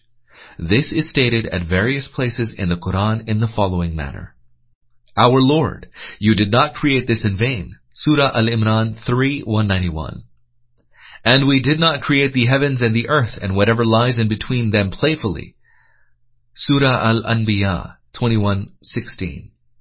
And do you think that we created you out of play and that you will not be brought back to us? Surah Al-Mu'minun 23:115. Second, it means that God has created this entire system of the universe on solid foundations of truth. The whole of the universe is based on justice, wisdom, and truth. Hence, there is no scope in the system for falsehood to take root and prosper. The phenomenon of the prosperity of falsehood which we observe is to be ascribed to the will of God, who grants the followers of falsehood the opportunity, if they so wish, to expend their efforts in promoting unrighteousness, injustice, and untruth. In the end, however, the earth will throw up all the seeds of untruth that have been sown, and in the final reckoning, every follower of falsehood will see that the efforts he devoted to cultivating and watering this pernicious tree have all gone to waste. Third, it means that God has founded the universe on the basis of right, and it is on the ground of being its creator that he governs it. His command in the universe is supreme, since he alone has the right to govern it, the universe being nothing but his creation. If anyone else's commands seem to be carried out in this world, this should not cause any misunderstanding. For in reality, the will of no one prevails, and cannot prevail in the universe, for no one has any right to enforce his will. His word is the truth, and his will be the dominion, this does not mean that the present dominion is not his. The purpose of this statement is rather to stress that when the veil which keeps things covered during the present phase of existence is lifted, and the truth becomes fully manifest, it will become quite clear that all those who seemed or were considered to possess power and authority are absolutely powerless, and that the true dominion belongs to the one true God who created the universe. On the day when the trumpet is blown, in what manner the trumpet will be blown is difficult for us to grasp. What we know through the Quran is that on the day of judgment, the trumpet will be blown on God's command, whereupon all will die. Then, after an indefinite period of time, a period that is known to God alone, the second trumpet will be blown, whereupon all people of all epochs will be resurrected and will find themselves on the plain of the congregation. Thus, when the first trumpet is blown, the entire order of the universe will be disrupted, while on the blowing of the second trumpet, a fresh order will be established in a new form, with a new set of laws governing it. He knows all that lies beyond the reach of human perception, as well as all that is visible to man. Ghaib signifies all that is hidden from and is beyond the ken of man's knowledge. Shahada, as opposed to ghaib, signifies that which is manifest and thus can be known to man.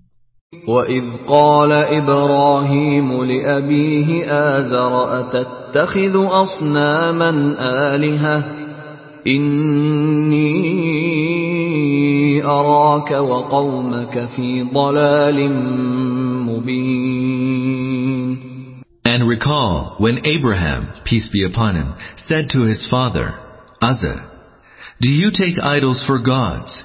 I see you and your people in obvious error. Do you take idols for gods? The incident relating to Abraham, peace be upon him, is adduced in order to confirm and reinforce the view that just as Muhammad, peace be upon him, and his companions, thanks to the guidance vouchsafed by God, had denounced polytheism and had turned away from all false gods, bowing their heads in obedience to the one true Lord of the universe, so had been done by Abraham in his time, peace be upon him. In the same way as ignorant people were then opposing the Prophet Muhammad, peace be upon him, and those who believed in him, Abraham, peace be upon him too, had been opposed in his day by the people among whom he lived. Furthermore, the answer Abraham, peace be upon him, gave to his people in the past can also be given by Muhammad, peace be upon him, and his followers, for he was on the same path as Noah, Abraham, and the other prophets, peace be upon them, who had descended from Abraham, peace be upon him. Those who had refused to follow the Prophet, peace be upon him, should therefore take note that they had deviated from the way of the prophets and were lost in error. At this point it should also be noted that Abraham, peace be upon him, was generally acknowledged by the Arabs to be their patriarch and their original religious leader. The Quraysh in particular were proud of their devotion to Abraham, of being his progeny, and of being servants to the shrine built by him. Hence, the mention of Abraham's peace be upon him doctrine of monotheism, of his denunciation of polytheism, and his remonstration with his polytheistic people amounted to demolishing the very basis on which the Quraysh had prided themselves. It also amounted to destroying the confidence of the people of Arabia in their polytheistic religion. This also proved to them that the Muslims stood in the shoes of Abraham himself, whereas their own position was that of an ignorant nation, which had remonstrated with Abraham, peace be upon him, out of ignorance and folly. وكذلك نري إبراهيم ملكوت السماوات والأرض وليكون من الموقنين and thus we showed Abraham, peace be upon him, the kingdom of the heavens and the earth, so that he might become one of those who have sure faith. And thus we showed Abraham, peace be upon him, the kingdom of the heavens and the earth. The adversaries are told that they can observe God's signs in the phenomena of the universe just as Abraham, peace be upon him, could. The difference is that they see nothing as if they were blind, whereas Abraham, peace be upon him, saw with open eyes. The sun, moon, and stars which rise and set before their eyes day after day and night after night witness them as misguided at their setting as at their rising.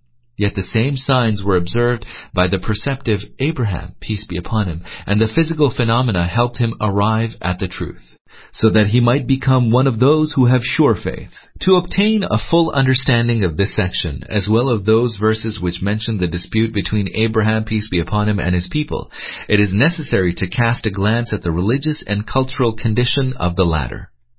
Thanks to recent archaeological discoveries, not only has the city where Abraham, peace be upon him, is said to have been born located, but a good deal of information is also available about the condition of the people of that area during the Abrahamic period. We reproduce below a summary of the conclusions which Sir Leonard Woolley arrived at as a result of researches embodied in his work Abraham, London, 1935. It is estimated that around 2100 BC, which is now generally accepted by scholars as the time of the advent of Abraham, peace be upon him, the population of the city of Ur was at least 250,000, maybe even 500,000. The city was a large industrial and commercial metropolis. Merchandise was brought to Ur from places as far away as Palmyra and Nilgiri in one direction, and in the other it had developed trade relations with Anatolia.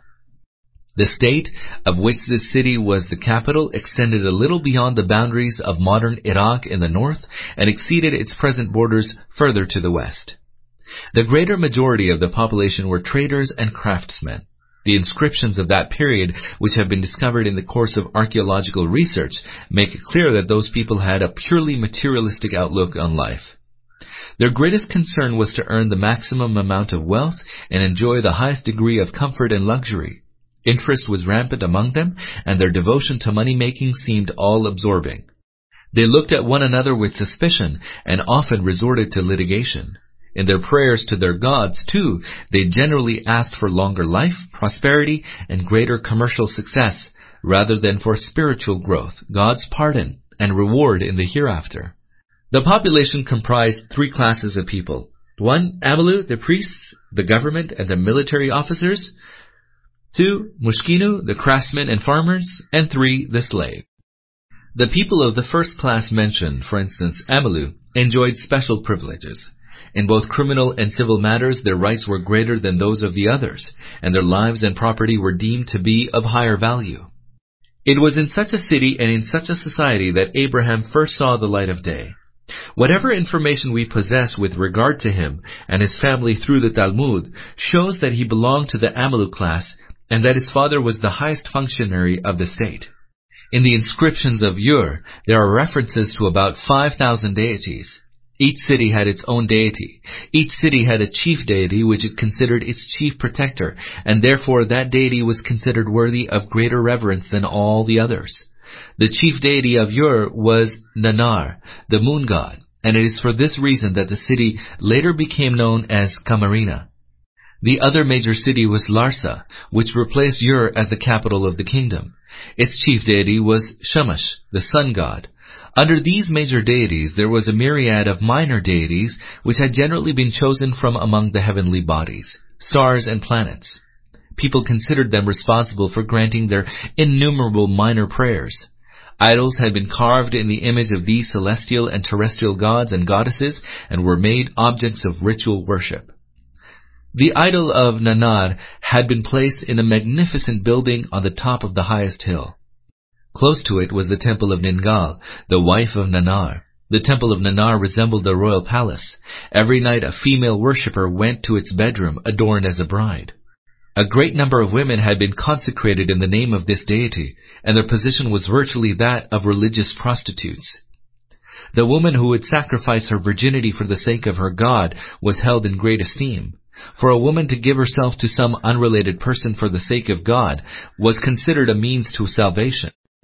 Needless to say, it was generally the priests who made most use of this institution. Nanar was not merely a deity, but the biggest landlord, the biggest trader, the biggest industrialist, and the most powerful ruler. Many orchards, buildings, and huge estates had been consecrated to his temple. In addition to this, cereals, milk, gold, cloth, etc. were brought as offerings to the temple by peasants, landlords, and merchants, and there was a large staff in the temple to receive the offerings. Many a factory had been established on behalf of the temple. Large-scale trading was also carried out on its behalf. All these activities were conducted by the priests in the name of the deity. Moreover, the country's main court was also located in the temple. The priests functioned as judges, and their judgments were equated with those of God. The authority of the royal family was derived from Nanar. The concept was that the Nanar was the true sovereign and that the ruler of the country governed merely on his behalf. Because of this relationship, the king himself was raised to the rank of a deity and was worshipped. The founder of the dynasty which ruled over Ur at the time of Abraham, peace be upon him, was Ur-Nammu. In 2300 BC, he had established an extensive kingdom, stretching from Susa in the east to Lebanon in the west. Hence the dynasty acquired the name Nammu, which became Nimrud in Arabic. After the emigration of Abraham, peace be upon him, both the ruling dynasty and the nation of Ur were subjected to a succession of disasters.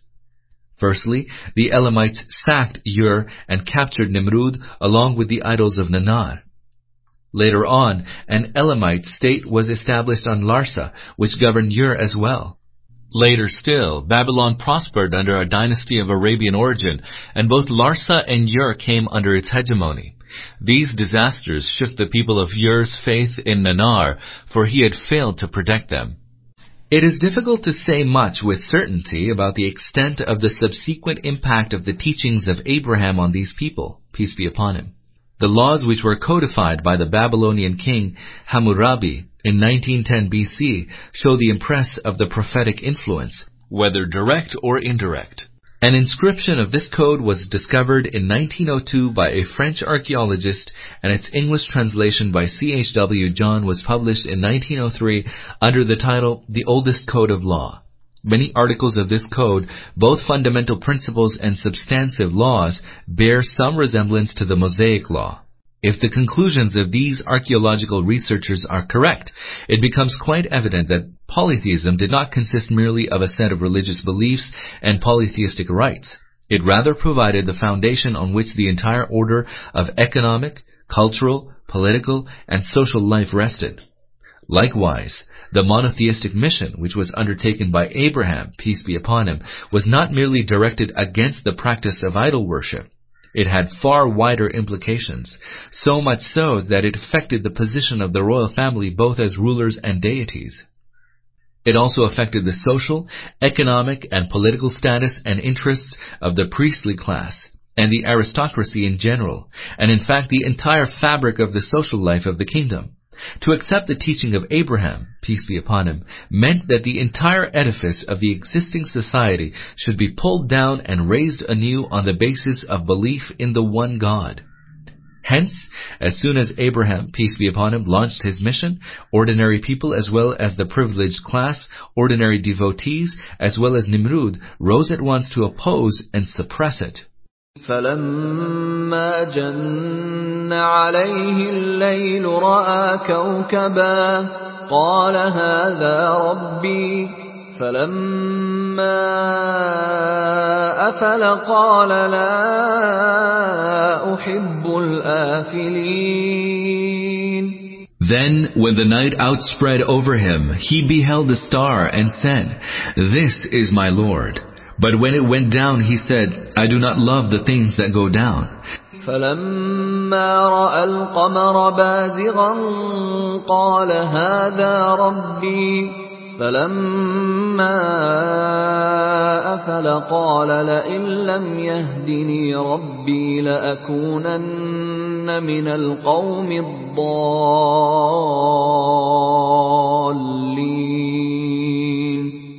Then when he beheld the moon rising, he said, This is my Lord. But when it went down, he said, Were that my Lord did not guide me, I surely would have become among the people who have gone astray. فلما رأى الشمس بازغة قال هذا ربي هذا أكبر فلما أفلت قال يا قوم إني بريء مما تشركون Then, when he beheld the sun rising, he said, This is my Lord. This is the greatest of all. Then, when it went down, he said, O my people, most certainly I am quit of those whom you associate with Allah in His divinity. O my people, most certainly I am quit of those whom you associate with Allah in His divinity. Here some light is thrown on the mental experience through which Abraham, peace be upon him, passed in the beginning, and which led him to an understanding of the truth before prophethood was bestowed on him. This experience shows how a right-thinking and sound-hearted man, who had opened his eyes in a purely polytheistic environment and had received no instruction in monotheism, was ultimately led to discover the truth by careful observation of and serious reflection on the phenomena of the universe. The account of the conditions prevailing among the people of Abraham, peace be upon him, shows that when he began to think seriously, the scene was dominated by the worship of the heavenly bodies, the moon, the sun, and the stars. It was natural, therefore, that when Abraham, peace be upon him, began his quest for the truth, he should have been faced with the question, is it possible that any of these, the sun, the moon, and the stars, is God?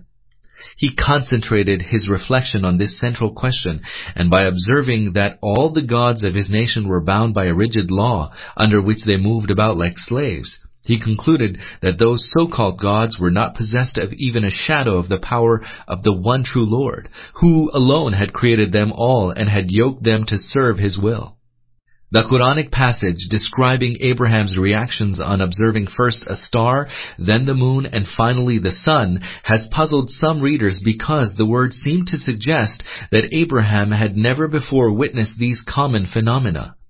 This misconception has made the whole narration such a riddle for some scholars that they could only solve it by inventing the strange anecdote that Abraham was born and grew to maturity in a cave and was thus deprived of the opportunity to observe the heavenly bodies. What is said, however, is so plain that one need not fall back on any such incident in order to comprehend it. It is well known, for instance, that when Newton saw an apple from a tree in his orchard, this incident instantly raised in his mind the question, why do things always fall to the ground? As a result of his reflection on this question, he arrived at his theory of gravity. On reading this incident, one might wonder if Newton had never before seen anything fall to the ground. Obviously, he must have seen things fall. For what reason then should the falling of an apple cause in his mind a reaction quite different from those caused by hundreds of earlier observations of similar things falling down? The answer is that a reflecting mind does not react uniformly to similar observations. A man may observe something over and over again without this observation creating any stir in his mind. But then there comes a moment when suddenly the same observation agitates his mind and his mental faculty begins to work in a different direction. It may also happen that while a man's mind is wrestling with a problem, he encounters something which is otherwise quite ordinary, but which suddenly seems to provide the key. Something to this effect happened with Abraham, peace be upon him. Certainly he was as familiar as anyone else with nightfall and the ensuing daybreak.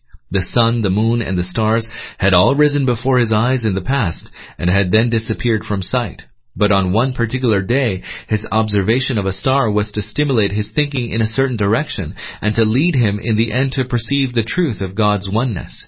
It is possible that Abraham's mind was already engrossed in reflecting on whether, and if so, to what extent, the beliefs which served as the foundation of the entire life system of his people embodied the truth, when he spotted a star which provided him with the initial key to the solution of the problem.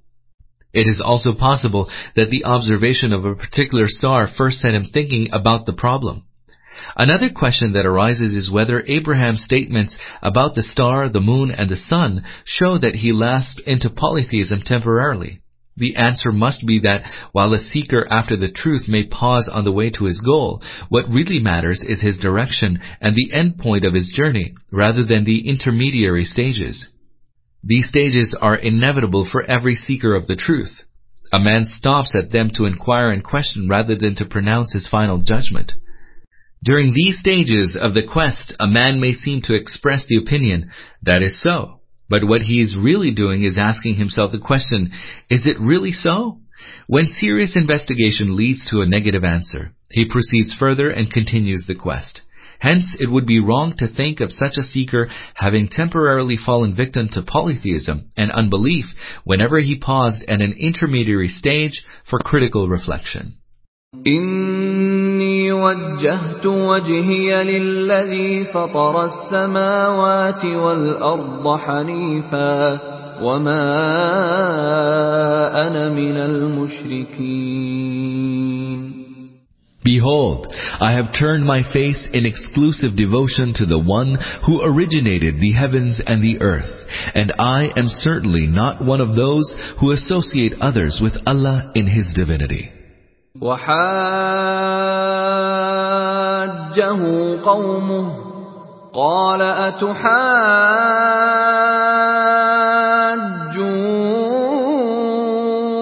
أتحاجوني في الله وقد هدان ولا أخاف ما تشركون به إلا يشاء ربي شيئا وسع ربي كل شيء علما أفلا تتذكرون His people remonstrated with him, whereupon Abraham, peace be upon him, said, Do you remonstrate with me concerning Allah, who has guided me to the right way? I do not fear those whom you associate with Allah in His divinity. Only that which my Lord wills, indeed that alone will come by. My Lord embraces all things within His knowledge. Will you not take heed? My Lord embraces all things within His knowledge. Will you not take heed? The word used here is tadakkar, which conveys the sense that somebody who had been either heedless or negligent of something suddenly wakes up to its true meaning. The purpose of Abraham's, peace be upon him, statement was to recall them to their senses by reminding them that their true Lord was not uninformed about their deeds, for his knowledge encompasses everything. وكيف أخاف ما أشركتم ولا تخافون أنكم أشركتم بالله ما لم ينزل به عليكم سلطانا فأي الفريقين أحق بالأمن إن كنتم تعلمون Why should I fear those whom you have associated with Allah in His divinity, when you do not fear associating others with Allah in His divinity, something for which He has sent down to you no authority? Then, which of the two parties has better title to security? Tell us if you have any knowledge. الذين آمنوا ولم يلبسوا إيمانهم بظلم أولئك لهم الأمن وهم مهتدون Those who believe and did not tarnish their faith with wrongdoing, for them there is security, and it is they who have been guided to the right way. And it is they who have been guided to the right way. This entire section shows that those people did not deny the existence of God as the creator of the heavens and earth. Their real guilt was that they associated others in His attributes and His rights over man. In the first place, Abraham, peace be upon him, himself clearly states that they associated others with God as his partners. In the second place, the way in which Abraham, peace be upon him, mentions God in addressing these people is suitable for a people who did not deny the existence of God. We must, therefore, regard as incorrect the opinion of those Quranic commentators who tried to explain this verse on the assumption that the people of Abraham either denied or were unaware of the existence of God and considered their own deities to be the exclusive possessors of Godhead. The expression, and did not tarnish their faith with wrongdoing, led some companions to the misapprehension that perhaps this wrongdoing signified disobedience. But the Prophet, peace be upon him, has made it clear that this wrongdoing signifies shirk, associating others with God in His divinity. The verse means, therefore, that they alone are fully secure and rightly guided who believe in God and do not mix their faith with any polytheistic belief and practice. It is interesting to learn that this incident, which is the starting point of Abraham's, peace be upon him, prophetic career, has found no place in the Bible. It is mentioned only in the Talmud. The Talmudic version, however, is different from the Quranic version in two ways. First, in the Talmudic version, Abraham's, peace be upon him, quest for the truth begins with the sun and then proceeds by way of the stars to his discovery of the one true God. Second, it states that Abraham not only held the sun to be his Lord, but even worshipped it, and that the same happened in connection with the moon. وتلك حجتنا آتيناها إبراهيم على قومه نرفع درجات من نشاء إن ربك حكيم عليم That was our argument, which we gave to Abraham against his people. We raise in ranks whom we will. Truly, your Lord is all-wise, all-knowing. ووهبنا له إسحاق ويعقوب كلا هدينا ونوحا هدينا من قبل ومن ذريته داود وسليمان وأيوب ويوسف وموسى وهارون وكذلك نجزي المحسنين And we bestowed upon Abraham, peace be upon him, offspring, Ishaq, Isaac, and Yaqub, Jacob, peace be upon them. And each of them did we guide to the right way, as we had earlier guided Noah, peace be upon him, to the right way. And of his descendants we guided Daud, David, and Suleiman, Solomon, Ayub, Job, Yusuf, Joseph, Musa, Moses, and Harun, Aaron, peace be upon them. Thus do we reward those who do good. وزكريا ويحيى وعيسى وإلياس كل من الصالحين And of his descendants we guided Zachariah, Zechariah, Yahya, John, Isa, Jesus, and Ilyas, Elias, peace be upon them. Each one of them was of the righteous. وإسماعيل واليسع ويونس ولوطا وكلا فضلنا على العالمين And of his descendants we guided Ismail, Ishmael, Alyasa, Elisha, Yunus, Jonah, and Lut, Lot, peace be upon them. And each one of them we favored over all mankind. ومن آبائهم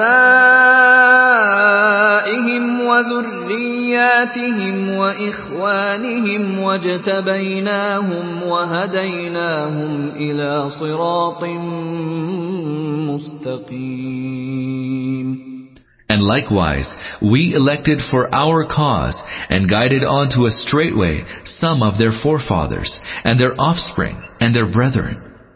ذلك هدى الله يهدي به من يشاء من عباده ولو أشركوا لحبط عنهم ما كانوا يعملون that is Allah's guidance, wherewith He guides those of His servants whom He will. But if they ever associate others with Allah in His divinity, then all that they had done would have gone to waste. Then all that they had done would have gone to waste.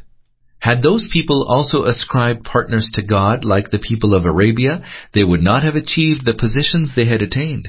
Some might perhaps have earned places in the rogues' gallery of history as either ruthless conquerors or monuments to greed. But had they not shunned polytheism and adhered to their exclusive and unadulterated devotion to God, they would certainly neither have had the honor of becoming the source of light and guidance to others, nor of assuming the leadership of the pious and the God-fearing. أولئك الذين آتيناهم الكتاب والحكم والنبوة فإن يكفر بها هؤلاء فقد وكلنا بها قوما ليسوا بها بكافرين Those are the ones to whom we gave the book, and judgment and prophethood. And if they refuse to believe in it now, we will bestow this favor on a people who do believe in it. Those are the ones to whom we gave the book, and judgment and prophethood. Here the prophets are mentioned as having been endowed with three things. First, the revealed guidance embodied in the book. Second, hukum. For instance, the correct understanding of the revealed guidance, the ability to apply its principles to the practical affairs of life, the God-given capacity to arrive at right opinions regarding human problems, and third, prophethood, the office by virtue of which they are enabled to lead human beings in the light of the guidance vouchsafed to them. We will bestow this favor on a people who do believe in it. God does not care if the unbelievers and polytheists choose to reject the guidance which has come down from Him, for He had already raised a sizable group of men of faith to truly appreciate its worth. أولئك الذين هدى الله فبهداه مقتده قل لا أسألكم عليه أجرا إن هو إلا ذكرى للعالمين O Muhammad, peace be upon him, those are the ones Allah guided to the right way. Follow then their way and say, I ask of you no reward for carrying on this mission. It is merely an admonition to all mankind. وما قدروا الله حق قدره إذ قالوا ما أنزل الله على بشر من شيء قل من أنزل الكتاب الذي جاء به موسى نورا وهدى للناس تجعلونه قراطيس تبدونها وتخفون كثيرا. وعلمتم ما لم تعلموا أنتم ولا آباؤكم. قل الله ثم ذرهم في خوضهم يلعبون They did not form any proper estimate of Allah when they said, Allah has not revealed anything to any man. Ask them, the book which Moses, peace be upon him, brought as a light and guidance for people and which you keep in bits and scraps, some of which you disclose, while the rest you conceal, even though through it you were taught that which neither you nor your forefathers knew. Who was it who revealed it? Say, Allah, and then leave them to sport with their argumentation. Allah has not revealed anything to any man. In the light of the foregoing discussion and commentary, it is quite evident that this statement comes from the Jews. Since the Prophet, peace be upon him, had asserted that he was a prophet and that a book had been revealed to him, the unbelieving Quraysh and other polytheists of Arabia naturally used to approach the Jews and the Christians who believed in the prophets and in the scriptures and try to solicit a candid answer from them as to whether God's words had indeed been revealed to Muhammad, peace be upon him. Whatever answer they gave was then disseminated on all sides by the active opponents of the Prophet, peace be upon him, in order to create revulsion against Islam. This is the reason for mentioning and then refuting this statement by the Jews which had been used by the opposition as an argument against Islam. One might wonder how a Jew who believes in the Torah as a revealed book of God could say that God had revealed nothing to anyone. At times, blind obstinacy and bigotry cause people to resort to arguments which strike at the roots of their own belief. These people were bent upon denying the prophethood of Muhammad, peace be upon him. And this fanaticism had come to dominate them so much that they went so far as to deny the very institution of prophethood. To say that people had not formed any proper estimate of God means that they have erred grossly in assessing His wisdom and power. Whoever says that God did not reveal knowledge of reality and the code for man's guidance has fallen into one of two errors, either he considers it impossible for man to become the recipient of God's revelation, and this constitutes a gross misjudgment of God's power. Or he thinks that even though God has equipped man with intelligence and with the power to act as he chooses, he has nevertheless made no arrangement for his guidance, but has left him in this world altogether unguided and thus conferred upon him the right to behave in any way he likes. This is obviously a misjudgment of God's wisdom. Even though through it you were taught that which neither you nor your forefathers knew. Who was it who revealed it? The revelation of the Torah to Moses, peace be upon him, is adduced by way of evidence since the Jews, to whom this response is addressed, believed that it had been revealed. It is obvious that their recognition of the Torah as the book revealed to Moses, peace be upon him, negated their standpoint that God had never revealed anything to any human being. Their belief in the Torah at least proved that revelation to man is possible and had actually taken place. وهذا كتاب أنزلناه مبارك مصدق الذي بين يديه مصدق الذي بين يديه ولتنذر أم القرى ومن حولها. والذين يؤمنون بالآخرة يؤمنون به وهم على صلاتهم يحافظون Like that book, this too is a book which we have revealed, full of blessing, confirming what was revealed before it so that you might warn the people of the mother of cities, Makkah, and those around it. Those who believe in the hereafter believe in it and are ever mindful of their prayers. Those who believe in the hereafter believe in it and are ever mindful of their prayers. The point argued above was that God's Word can be, and in the past has been, revealed to human beings. The next point is that the message of Muhammad, peace be upon him, is indeed the revealed Word of God. In order to establish this, four things are adduced as evidence. First, that this book is overflowing with God's grace and beneficence. In other words, it contains the best possible principles for the well-being and salvation of mankind. It lays down the true doctrines of belief. It urges man to righteous conduct and inspires him to moral excellence. It contains guidance as to how one may live a life of purity. And above all, it is free from any trace of the ignorance, egocentricity, narrow-mindedness, iniquity, obscenity, and other corruptions with which the Jews and the Christians had overlaid their revealed scriptures. Second, this book does not propound any guidance which is essentially divergent from that previously revealed. Rather, it confirms and supports it. Third, the purpose of the revelation of this book is the same as that of the revelation of scriptures in the past. These, to shake people out of their heedlessness and warn them of the evil consequences of their corruption. Fourth, that the call of this book did not attract those who merely worshipped worldly advantages and were slaves of their animal desires.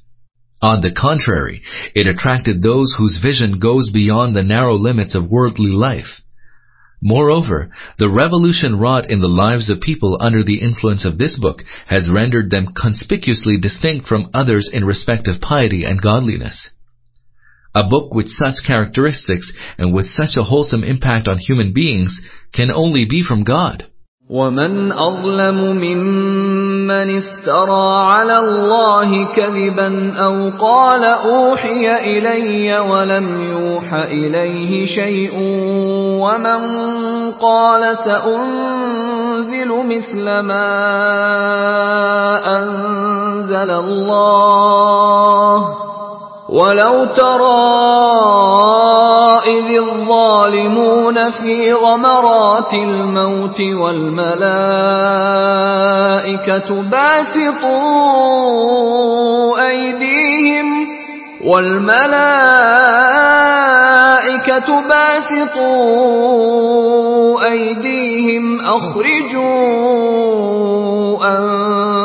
أنفسكم اليوم تجزون عذاب الهون بما كنتم تقولون على الله غير الحق وكنتم عن آياته تستكبرون Who can be more unjust than he who places a lie on Allah and who says, Revelation has come to me, when in fact nothing was revealed to him, and who says, I will produce the like of what Allah has revealed.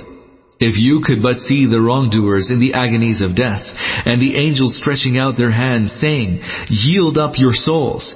Today you will be recompensed with the chastisement of humiliation for the lie you spoke concerning Allah, and for you waxing proud against His sins. ولقد جئتمونا فرادا كما خلقناكم أول مرة وتركتم وتركتم ما خولناكم وراء ظهوركم وما نرى معكم شفعاءكم الذين زعمتم أنهم فيكم شركاء لقد تقطع بينكم وضل عنكم ما كنتم تزعمون And Allah will say, Now you have come to us all alone, even as we had created you in the first instance. and you have left behind all that we had bestowed upon you in the world. We do not see with you your intercessors, whom you imagine to have a share with Allah in your affairs. You have now been cut off from one another, and all those whom you imagine to be Allah's associates in your affairs have failed you. إن الله فالق الحب والنوى يخرج الحي من الميت ومخرج الميت من الحي ذلكم الله فأنا تؤفكون Truly, it is Allah who causes the grain and the fruit kernel to sprout. He brings forth the living from the dead, and brings forth the dead from the living. Such is Allah. So whither are you tending in error? Truly, it is Allah who causes the grain and the fruit kernel to sprout. The one who causes the seed grain to split open under the surface of the earth and then makes it grow and appear on the surface as a plant is no other than God. He brings forth the living from the dead, and brings forth the dead from the living. To bring forth the living from the dead means creating living beings out of dead matter. Likewise, to bring out the dead from the living means to remove the lifeless elements from a living organism. فالق الإصباح وجعل الليل سكنا والشمس والقمر حسبانا ذلك تقدير العزيز العليم It is He who causes the dawn to split forth, and has ordained the night for repose, and the sun and the moon for reckoning time. All this is determined by Allah, the Almighty, the All-Knowing. وهو الذي جعل لكم النجوم لتهتدوا بها في ظلمات البر والبحر قد فصلنا الآيات لقوم يعلمون it is He who has made for you the stars that you may follow the right direction in the darkness of the land and the sea. We have indeed spelled out signs for the people who have knowledge. We have indeed spelled out signs for the people who have knowledge. By signs are meant all that support the proposition that there is only one God. That is, no one has either the attributes of God or any share in His authority or can rightfully claim any of the rights which belong exclusively to Him. But the ignorant cannot benefit from these signs, which are scattered all around, in order to arrive at an understanding of the truth. Only those who observe the phenomena of the universe in a careful and systematic manner, and do so with a correct perspective, can truly benefit from these signs. وهو الذي أنشأكم من نفس واحدة فمستقر ومستودع قد فصلنا الآيات لقوم يفقهون It is He who created you out of a single being and appointed for each of you a time limit and a resting place. We have indeed spelled out our signs for those who can understand. It is He who created you out of a single being. This means that God caused the human race to originate from one human being. We have indeed spelled out our signs for those who can understand. If one were to observe carefully the creation of the human species, its division into male and female, the proliferation of the human race by procreation, the passing of life through its several stages in the womb of the mother from conception to childbirth, one would perceive innumerable signs to help one grasp the truth mentioned above. But only those who make proper use of their intellect can be led by means of these signs to an understanding of reality. Those who live like animals, who are concerned merely with the satisfaction of their lusts and desires, can perceive nothing significant in these phenomena. وهو الذي أنزل من السماء ماء فأخرجنا به نبات كل شيء فأخرجنا فأخرجنا منه خضرا نخرج منه حبا متراكبا ومن النخل ومن النخل من طلعها قنوان دانية وجنات وجنات من أعناب والزيتون والرمان مشتبها وغير متشابه. انظروا إلى ثمره إذا أثمر وينعه إن في ذلكم لآيات لقوم يؤمنون And it is He who has sent down water from the heavens, and thereby we have brought vegetation of every kind, and out of this we have brought forth green foliage, and then from it close-packed ears of corn, and out of the palm tree, from the sheath of it, thick clustered dates, hanging down with heaviness, and gardens of vines, and the olive tree, and the pomegranate, all resembling one another, and yet so different. Behold their fruit when they bear fruit and ripen. Surely in all this there are signs for those who believe. وجعلوا لله شركاء الجن وخلقهم وخرقوا له بنين وبنات بغير علم سبحانه وتعالى عما يصفون. And yet, some people have come to associate the jinn with Allah in His divinity, even though it is He who created them. And in ignorance, they impute to Him sons and daughters. He is holy and exalted far above that which they attribute to Him.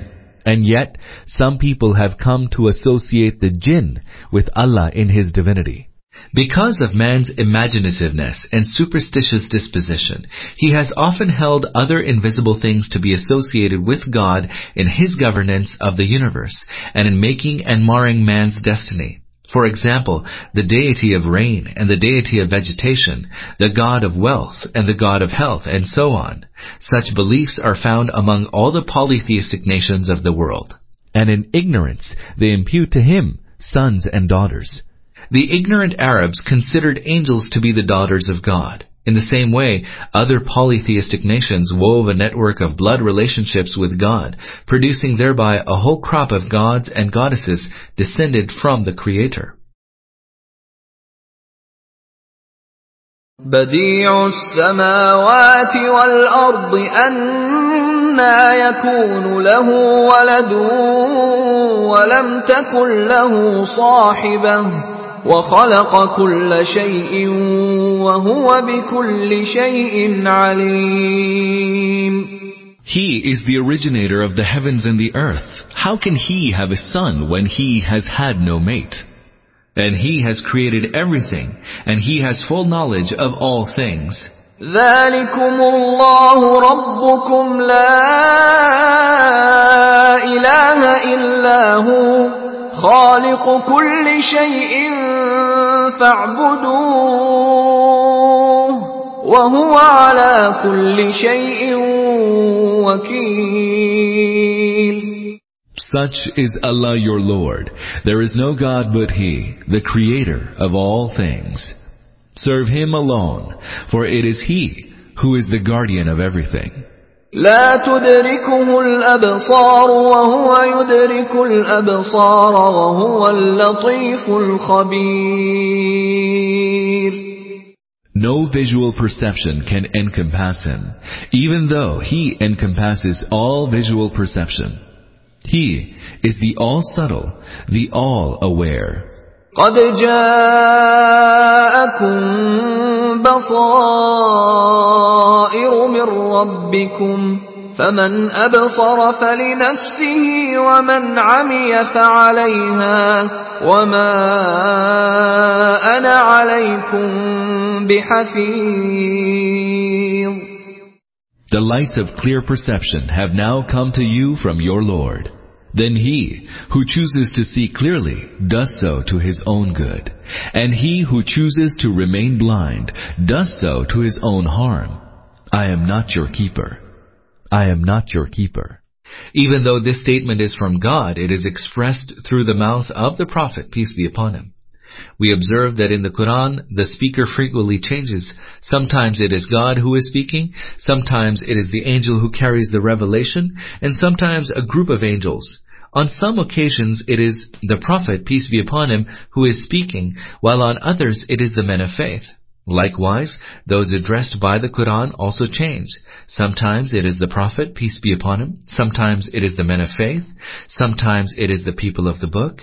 Sometimes it is the unbelievers and the polytheists. Sometimes it is the whole Quraysh. Sometimes it is the Arabs. And sometimes mankind as a whole. Regardless of these changes, however, the content of the message always remains the same. It consists of God's guidance to mankind. The statement, I am not your keeper, signifies that the task of the Prophet, peace be upon him, is confined to carrying the light of true guidance to others. It is then up to them either to use it to perceive reality for themselves or to keep their eyes closed. The Prophet, peace be upon him, is not asked to compel those who deliberately kept their eyes shut to open them, forcing them to see what they did not wish to see. وكذلك نصرف الآيات وليقولوا درست ولنبينه لقوم يعلمون Thus do we make our signs clear in diverse ways, that they might say, You have learned this from somebody, and we do this in order that we make the truth clear to the people of knowledge. And we do this in order that we make the truth clear to the people of knowledge. The same has been said earlier, viz. that genuine seekers after the truth arrive at it even when it is couched in parables about such apparently trivial things as flies and gnats. See Surah Al-Baqarah 2.24. As for those who have been seized by a biased negativism, they are prone to ask sarcastically, what have these trivial things to do with the Book of God? The same idea is expressed here in a slightly different form. The import of the statement is that the Book of God has become a touchstone, which helps mark off the true from the false. These include the sort of people who, once they have come to know the teachings of the Book of God, try in earnest to reflect on its substance and seek to benefit from the wisdom and admonition it contains. Another group reacts quite differently. When they hear or read the book, their minds are not attracted by the substance of its message. Rather, their curiosity is aroused and they begin probing as to where this prophet, who had no formal education, derived the teachings which the book contains. And since a negative prejudice has already seized their hearts, they find it reasonable to conceive of any possibility except the possibility that the Quran is a revelation from God. Such people proclaim their opinion with such strong conviction that one might feel inclined to believe that they had indeed discovered the real source of the book by means of scientific investigation.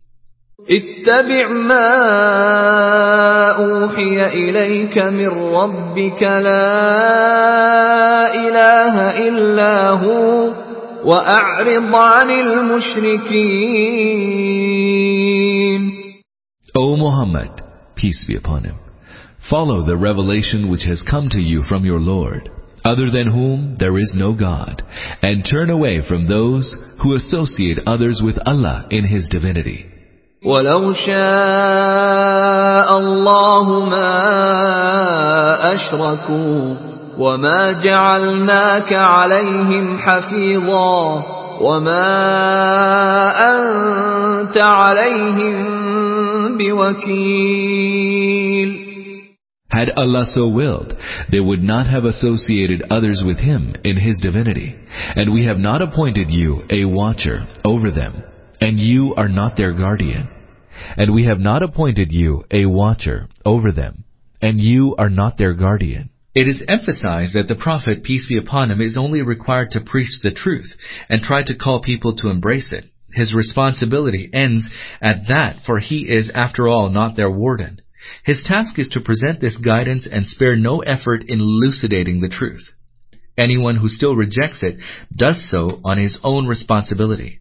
It is not part of the Prophet's task to compel anybody to follow the truth, and he will not be held accountable for not having been able to bring an individual out of the fold of falsehood. Hence, he should not overstrain his mind by his desire to make the blind see, or compel those bent on keeping their eyes shut to observe. For had it been an objective of God's universal plan not to allow anyone to remain devoted to falsehood, he need not have sent prophets for that purpose. Could he not have turned all human beings instantly into devotees of the truth by his mere will? Quite obviously, God did not intend to do so. The entire basis of the divine plan is that men should have free will and be allowed to choose between the truth and falsehood. That the truth should be explained to them in order that they be tested with regard to their choice between truth and falsehood. The right attitude, therefore, is for them to follow the straight way, which has been illuminated by the light bequeathed to them, and to keep on calling others towards it. They should naturally value very highly all those who respond to the message of the truth. Such persons should not be forsaken or neglected, however humble their station in the world. As for those who wilfully reject the message of God, one need not pursue them too far. They should rather be left alone to proceed towards their doom, since they themselves wish so and are insistent on doing so. ولا تسبوا الذين يدعون من دون الله فيسبوا الله عدوا بغير علم. كذلك زينا لكل أمة عملهم ثم إلى ربهم مرجعهم ثم إلى ربهم مرجعهم فينبئهم بما كانوا يعملون Do not revile those whom they invoke other than Allah, because they will revile Allah in ignorance out of spite. For we have indeed made the deeds of every people seem fair to them, then their return is to their Lord, and He will inform them of what they have done. Because they will revile Allah in ignorance out of spite. The Prophet, peace be upon him, and his followers are admonished not to allow their proselytizing zeal to dominate them, so that their polemics and their controversial religious discussions either lead them to be offensive to the beliefs of non-Muslims or to abuse their religious leaders and deities. Far from bringing people closer to the truth, such an attitude is likely to alienate them from it further. For we have indeed made the deeds of every people seem fair to them. Here we should bear in mind, as we have pointed out earlier, that God declares those things which take place as a result of the operation of the laws of nature to be His own acts, for it is He who has made those laws. Whatever results from the operation of those laws, therefore, results from His command. Whenever God states that a certain act was His, the same might be described by humans as occurring in the natural course of things. وأقسموا بالله جهد أيمانهم لئن جاءتهم آية ليؤمنن بها قل إنما الآيات عند الله وما يشعركم أنها إذا جاءت لا يؤمنون They swear by Allah with their most solemn oaths that if a sign comes to them, they will certainly believe in it. Say, signs are in Allah's power alone. What will make you realize that even if those signs were to come, they would still not believe? They swear by Allah with their most solemn oaths that if a sign comes to them, Sign in this context signifies a tangible miracle which is so impressive that it leaves people with no alternative but to believe in the veracity of the Prophet, peace be upon him, and the truth of his claim to have been appointed by God. Say, signs are in Allah's power alone. The Prophet, peace be upon him, denies his ability to perform miracles. That power lies with God alone. If God wants a miracle to take place, He has the power. If He does not want miracles to take place, none will. They would still not believe. These words are addressed to the Muslims, driven by the restless yearning to see people embrace Islam, a yearning which they sometimes expressed in words. They wished some miracle to happen which might lead their erring brethren to the true faith. In response to this wish and longing, They are told that their embracing the true faith does not depend upon their observing any miraculous sign. ونقلب أفئدتهم وأبصارهم كما لم يؤمنوا به أول مرة ونذرهم في طغيانهم يعمهون We are turning their hearts and eyes away from the truth, even as they did not believe in the first instance. And we leave them in their insurgence to stumble blindly, even as they did not believe in the first instance. This shows that they still suffer from the same mentality which had made them reject the call of the Prophet, peace be upon him, at the outset. Their outlook has undergone no change. The same mental confusion, the same opacity of vision which had kept them from developing sound understanding and a correct perspective still warps their understanding and clouds their vision. ولو أننا نزلنا إليهم الملائكة وكلمهم الموتى وحشرنا عليهم وحشرنا عليهم كل شيء قبلا ما كانوا ليؤمنوا إلا ما كانوا ليؤمنوا إلا أن يشاء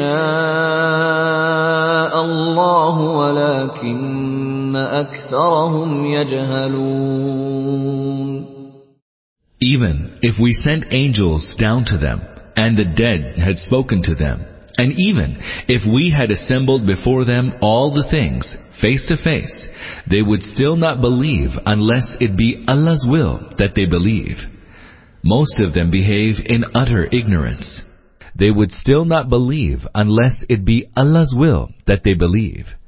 The people under discussion are so perverse that they do not prefer to embrace the truth in preference to falsehood by rightly exercising their choice and volition.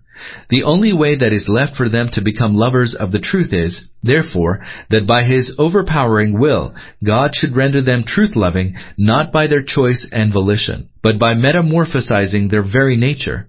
Such a course, however, goes against the wisdom which underlies the creation of man. Hence it is futile to expect God to intervene in the matter and to force those people to believe by the exercise of His will. وكذلك جعلنا لكل نبي عدوا شياطين الإنس والجن يوحي بعضهم يوحي بعضهم إلى بعض زخرف القول غرورا ولو شاء ربك ما فعلوه فذرهم وما يفترون And so it is that against every prophet we have set up the evil ones from among human beings and jinn. Some of them inspire others with specious speech only by way of delusion. Had it been your Lord's will, they would not have done it. Leave them alone to fabricate what they will. Some of them inspire others with specious speech only by way of delusion. The Prophet, peace be upon him, is told that he should not be unnerved even if the evil ones among both mankind and the jinn stood united against him and opposed him with all their might. For this was not the first time that such a thing had happened. Whenever a prophet came and tried to lead people to the truth, all the satanic forces joined hands to defeat his mission. Specious talk signifies all the trickery and maneuvering to which the enemy resorts. All his efforts aimed at sowing doubts about Islam and undermining people's faith in it, so as to arouse them against both the Prophet, peace be upon him, and his message.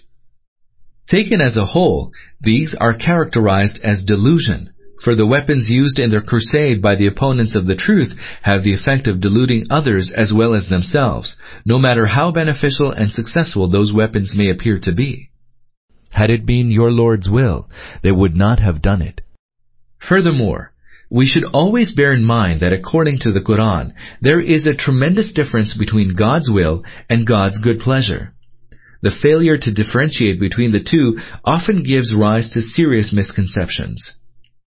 If a certain thing takes place in accord with the universal will of God, and thus by His sanction, that does not necessarily mean that God is pleased with it.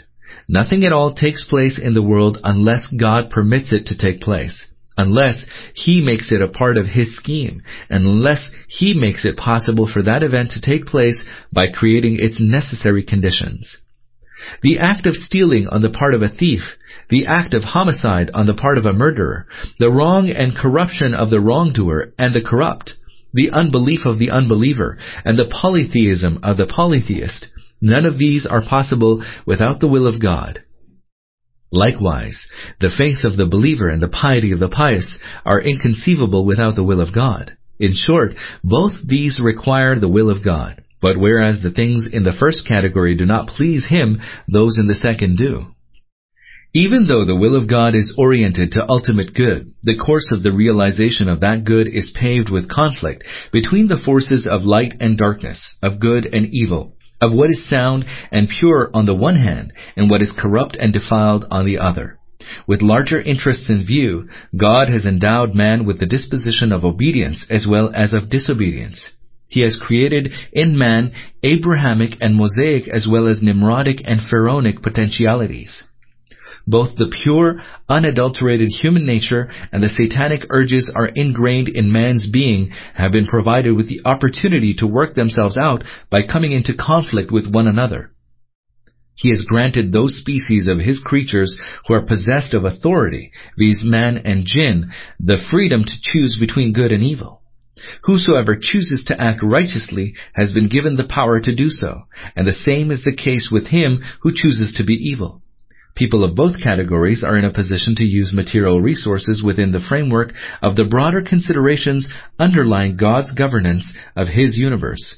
God will be pleased, however, only with those who are working for good. God likes His creatures to exercise their freedom of choice properly and commit themselves to good of their own volition.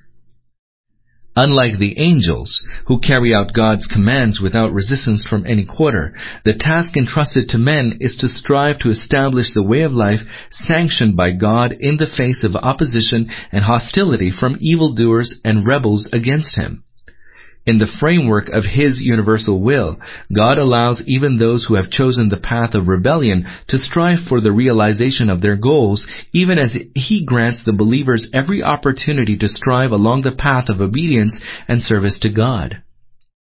Despite this granting of freedom and choice to all, there is no doubt that God is pleased with and guides, directs, supports, and strengthens the believers alone because their overall direction is to His liking. Nevertheless, they should not expect that by His supernatural intervention, God will either force those who are disinclined to believe into believing, or that He will forcibly remove the satanic forces among both men and jinn, who are resolved to spare neither their mental and physical energy, nor their material resources to impede the triumph of the truth. Those determined to strive in the cause of the truth and of virtue and righteousness are told that they must prove their earnest devotion by waging a fierce struggle against the devotees of falsehood. For had God wanted to use miracles to obliterate falsehood and usher in the reign of the truth, he would not have required human beings to accomplish the task. He could have simply seen to it that no evil one remained in the world, leaving no possibility for polytheism and unbelief to exist. ولتصغى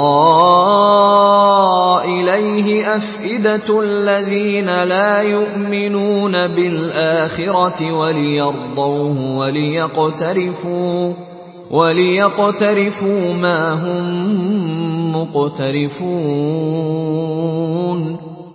so that the hearts of those who do not believe in the life to come might incline towards this attractive delusion, and that they may be well pleased with it and might acquire the evils that they are bent on acquiring.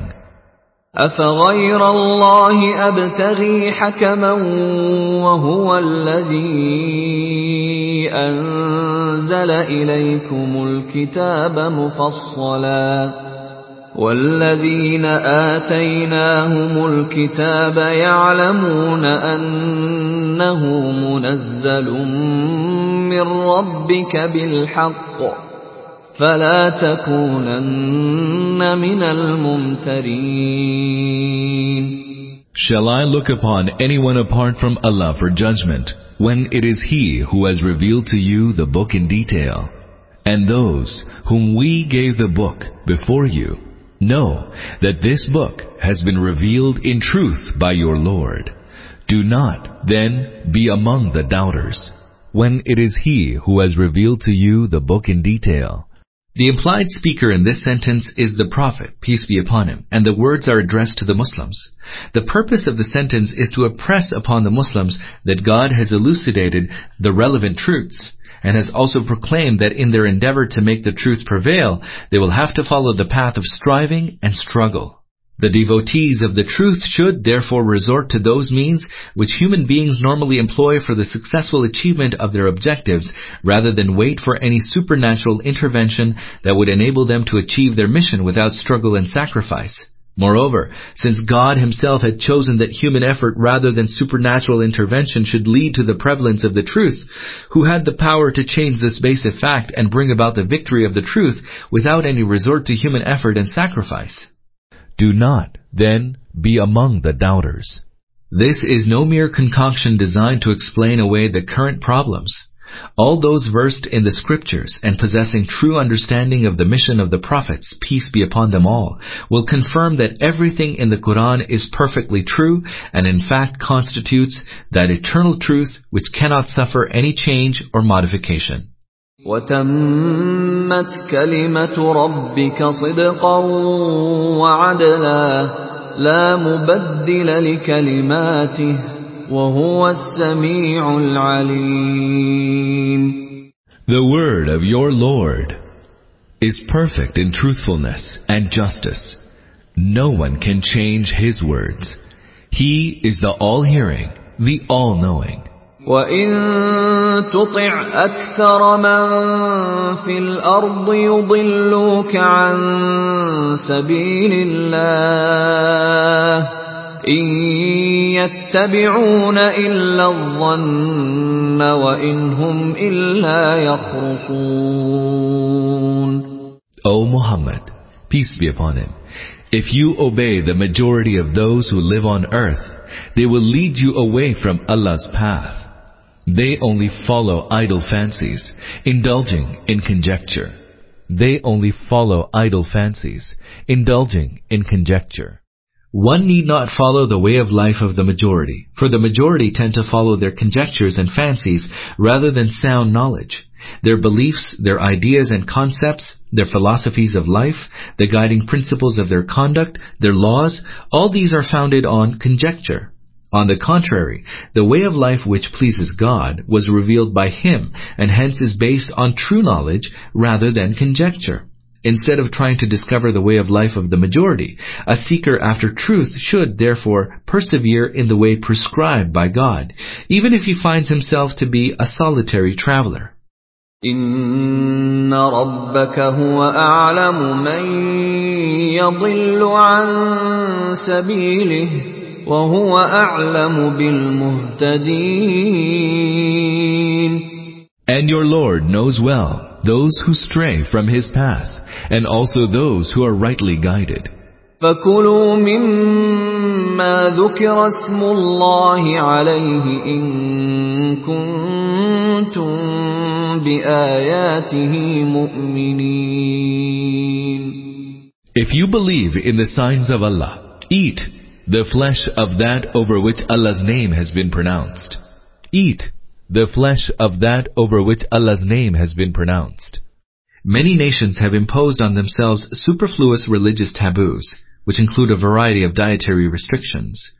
On the one hand, they have declared lawful many of the things which God has forbidden. On the other, there are many things which God has made lawful, but which some people have forbidden to themselves. Some people have even gone so far as to consider eating animals slaughtered in the name of God as unlawful, while those slaughtered with no mention of God's name may be eaten. God repudiates this and urges the Muslims, if they really believe in Him and obey His injunctions, to smash the superstitious and prejudiced notions contrived by human beings in disregard of God's revealed guidance and to recognize as unlawful all that God has declared to be unlawful, and as lawful all that God has declared to be lawful. وما لكم ألا تأكلوا مما ذكر اسم الله عليه وقد فصل لكم وقد فصل لكم ما حرم عليكم إلا ما اضطررتم إليه وإن كثيرا ليضلون بأهوائهم بغير علم إن ربك هو أعلم بالمعتدين And how is it that you do not eat of that over which Allah's name has been pronounced, even though He has clearly spelled out to you what He has forbidden you, unless you are constrained to it? Many indeed say misleading things without knowledge, driven merely by their desires. But your Lord knows well the transgressors. Even though He has clearly spelled out to you what He has forbidden you, unless you are constrained to it. See Surah Al-Nahl 16:115. We may observe in passing that this allusion indirectly establishes that Surah Al-Nahl was revealed before the present surah. وذروا ظاهر الإثم وباطنه إن الذين يكسبون الإثم سيجزون بما كانوا يقترفون Abstain from sin, be it either open or secret. Indeed, those who commit sins shall surely be requited for all they have done. ولا تأكلوا مما لم يذكر اسم الله عليه وإنه لفسق وإن الشياطين ليوحون إلى أوليائهم ليجادلوكم وإن أطعتموهم إنكم لمشركون Do not eat of the animal over which the name of Allah has not been pronounced at the time of its slaughtering, for that is a transgression. And behold, the evil ones do inspire doubts and objections into the hearts of their friends, so that they dispute with you. But if you obey them, you will surely yourselves turn into those who associate others with Allah in His divinity. And behold, the evil ones do inspire doubts and objections into the hearts of their friends, so that they dispute with you. It has been reported in a tradition transmitted by Abdullah bin Abbas that the Jewish religious scholars used to prompt the ignorant people of Arabia to address many inquiries to the Prophet, peace be upon him, so as to discredit him. One of the questions they taught them to ask was, why is it that an animal killed by the act of God should be deemed prohibited, while one killed by us is considered lawful?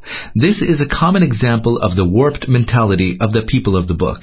They strain their minds to contrive such questions so as to create doubts in people's minds and to provide them with intellectual weapons in their fight against the truth. But if you obey them, you will surely turn into those who associate others with Allah in His divinity.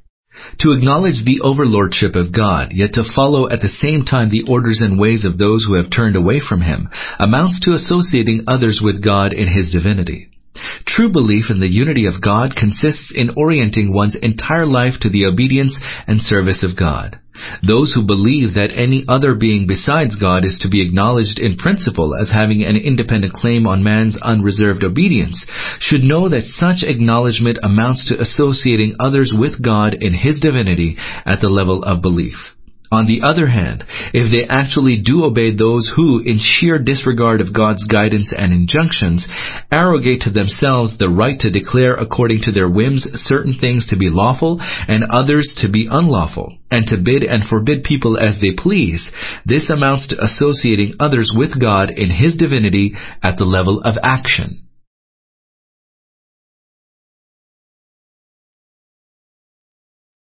أَوَمَنْ كَانَ مَيْتًا فَأَحْيَيْنَاهُ وَجَعَلْنَا لَهُ نُورًا يَمْشِي بِهِ فِي النَّاسِ كَمَنْ مَثَلُهُ كمن مثله في الظلمات ليس بخارج منها كذلك زين للكافرين ما كانوا يعملون.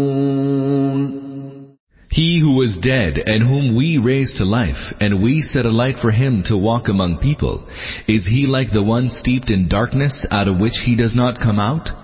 Thus have their own doings been made to seem fair to the unbelievers.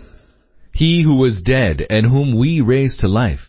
Death signifies here the state of ignorance and lack of consciousness, whereas life denotes the state of knowledge and true cognition, the state of awareness of reality. He who cannot distinguish between the right and the wrong does not know the straight way for human life, may be alive on the biological plane, but his essential humanity is not. He may be a living animal, but is certainly not a living human being. A living human being is one who can distinguish right from wrong, good from evil, honesty from dishonesty. Is he like the one steeped in darkness out of which he does not come out? The question is, how can they expect one who has been able to attain genuine consciousness of his true human nature, and who, by virtue of his knowledge of the truth, can clearly discern the straight way among the numerous crooked ways to live like those who lack true consciousness and go on stumbling in the darkness of ignorance and folly? Thus have their own doings been made to seem fair to the unbelievers. The law of God with regard to those to whom light is presented but who willfully refuse to accept it, preferring to follow their crooked paths even after they have been invited to follow the straight way, is that in the course of time such people begin to cherish darkness, and to enjoy groping their way in the dark, stumbling and falling as they proceed. They tend to mistake cacti for orchids, thorns for roses. They find pleasure in every act of evil and corruption. They look forward to renewed experiences of corruption, hoping that where they were previously unsuccessful, they will now find success.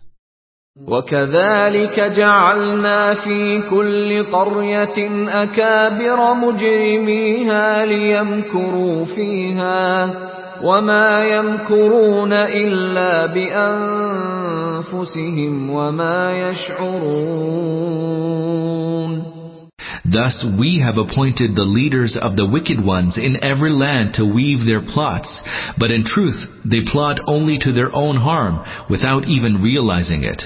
وَإِذَا جَاءَتْهُمْ آيَةٌ قَالُوا لَن نُّؤْمِنَ حَتَّى نُؤْتَىٰ مِثْلَ مَا أُوتِيَ رُسُلُ اللَّهِ الله أعلم حيث يجعل رسالته. سيصيب الذين أجرموا صغار عند الله وعذاب شديد. وعذاب شديد بما كانوا يمكرون. Whenever there comes to them a sign from Allah, they say, We will not believe until we are given what was given to the messengers of Allah. Allah knows best where to place His message. Soon shall these wicked ones meet with humiliation and severe chastisement from Allah for all their evil plotting. We will not believe until we are given what was given to the messengers of Allah. This shows that they were unwilling to believe in the statement of the prophets, that an angel of God came to each of them and delivered the message of God. They would believe, they said, only if the angel approached them directly and intimated God's message to them. فمن يرد الله أن يهديه يشرح صدره للإسلام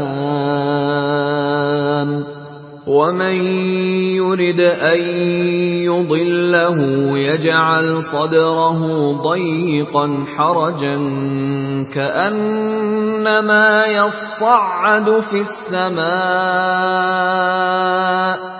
كذلك يجعل الله الرجس على الذين لا يؤمنون. Thus, it is a fact that whomsoever Allah wills to guide, He opens his breast for Islam. And whomsoever He wills to let go astray, He causes his breast to become strait and constricted, as if he were climbing towards the heaven. Thus Allah lays the abomination of flight from and hatred of Islam on those who do not believe. Thus, it is a fact that whomsoever Allah wills to guide, He opens his breast for Islam. To open someone's breast to Islam means to make him feel fully convinced of the truth of Islam and to remove all his doubts, hesitations and reluctance. وهذا صراط ربك مستقيما قد فصلنا الآيات لقوم يذكرون Even though this way is the straight way of your Lord, and we have distinguished its signs to those who heed to the admonition. لهم دار السلام عند ربهم وهو وليهم بما كانوا يعملون Theirs shall be an abode of peace with their Lord, their protector, in recompense for all they have done. Theirs shall be an abode of peace with their Lord. The righteous will enjoy the abode of peace, since there he will be safe from every misfortune and evil. ويوم يحشرهم جميعا يا معشر الجن قد استكثرتم من الإنس وقال أولياؤهم من الإنس ربنا استمتع بعضنا ببعض وبلغنا وبلغنا أجلنا الذي أجلت لنا قال النار مثواكم خالدين فيها إلا ما شاء الله إن ربك حكيم عليم And on the day when he shall muster them all together, he will say to the jinn, O assembly of jinn, you have seduced a good many of mankind. And their companions from among the humans will say, Our Lord, we did indeed benefit from one another, and now have reached the term for which you had set for us. Thereupon, Allah will say, The fire is now your abode, and therein you shall abide. Only those whom Allah wills shall escape the fire. Surely, your Lord is all-wise, all-knowing. And on the day when he shall muster them all together, he will say to the jinn, The term jinn here refers to the evil ones among the jinn. Our Lord, we did indeed benefit from one another, and now have reached the term for which you had set for us.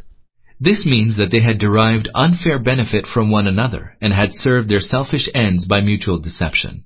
Surely, your Lord is all-wise, all-knowing.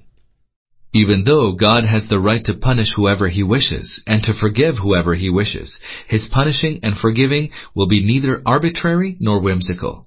It will rather be founded on absolute knowledge and wisdom. God will forgive those whom He knows not to be responsible for their guilt, and thus not liable to punishment according to His wisdom and justice. وكذلك نولي بعض الظالمين بعضا بما كانوا يكسبون In this manner we shall make the wrongdoers friends of each other in the hereafter, because they earned evil together in the world. Because they earned evil in the world. Just as the wrongdoers had been accomplices in sin and evil during their earthly life, they would remain companions in the afterlife as well and share its punishment. يا معشر الجن والإنس ألم يأتكم رسل منكم يقصون عليكم آياتي يقصون عليكم آياتي وينذرونكم لقاء يومكم هذا قالوا شهدنا على أنفسنا وغرتهم الحياة الدنيا وشهدوا على أنفسهم وشهدوا على أنفسهم أنهم كانوا كافرين Then Allah will also ask them, O assembly of jinn and men, did there not come to you messengers from among yourselves, relating to you my signs, and warning you of the encounter of this, your day of judgment? They will say, Yes, we bear witness against ourselves. They have been deluded by the life of this world, and they will bear witness against themselves that they had disbelieved. They will say, Yes, we bear witness against ourselves. The wrongdoers would confess that even though the prophets had come in succession in order to inform them of the truth, it was their own fault that they did not respond to their call. And they will bear witness against themselves that they had disbelieved. They were deniers of and disbelievers in rather than ignorant of the truth. They acknowledged that the truth had been conveyed to them, and they had refused to accept it. ذلك أن لم يكن ربك مهلك القرى بظلم وأهلها غافلون They will be made to bear this witness to show that it is not the way of your Lord to destroy cities unjustly while their people were unaware of the truth. While their people were unaware of the truth. God does not want His creatures to have any valid reason to complain that He had left them ignorant of the right way and then convicted them of error. God has forestalled any such grievance by sending prophets and revealing holy books to warn both jinn and human beings. If people continue to falter in spite of God's arrangements for their guidance, they themselves are to blame for the punishment they will receive, and they have no justification for blaming their misfortune on God. ولكل درجات مما عملوا وما ربك بغافل عما يعملون Everyone is assigned a degree according to his deed. Your Lord is not heedless of what people do. وربك الغني ذو الرحمة إن يشأ يذهبكم ويستخلف من بعدكم ما يشاء كما أنشأكم كما أنشأكم من ذرية قوم آخرين. Your Lord is self-sufficient, full of compassion. If He wills, He can put you away and cause whomever He wills to succeed you, just as He has produced you from the seed of another people. Your Lord is self-sufficient, full of compassion. The Quranic statement, Your Lord is self-sufficient, signifies that God is in need of nothing from anyone, that none of His interests will be jeopardized by disobedience to Him, and that no benefit will accrue to Him from obedience. Even if all human beings became disobedient, God's dominion will not shrink, nor will His dominion expand if everybody were to become obedient and serve and worship Him as they ought to. God is dependent neither upon their show of veneration nor upon their offerings. He lavishes His limitless treasures on human beings and seeks nothing in return. The other statement, namely that your Lord is full of compassion, has been made here to emphasize two things. First, that when God urges human beings to follow the right way and asks them not to do anything in conflict with ultimate reality, He does not do so because of their good behavior benefits Him or their misconduct harms Him. He does so because good conduct is beneficial to man himself, as evil conduct is harmful to him. Hence it is out of sheer benevolence that God urges man to develop righteous conduct, for it will raise him to great heights, and he urges him to avoid evil conduct because it will lead to his own degradation.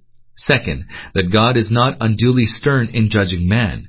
He gets no pleasure from punishing people. He is not on the lookout for the slight lapses for which to convict and persecute people. God is highly compassionate towards all His creatures and governs with utmost mercy and benevolence, and the same characterizes His dealings with human beings as well. Hence He constantly forgives the sins of people.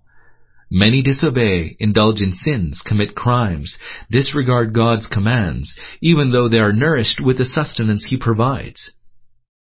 God nevertheless continually treats them with forbearance and forgives them. Again and again he grants them respite in order that they may take heed, understand things properly, and reform themselves. Had he been excessively stern, he could have even obliterated them instantly and raised up another people. He could have put an end to humanity and brought into being an altogether different species of creation. إنما توعدون لآت وما أنتم بمعجزين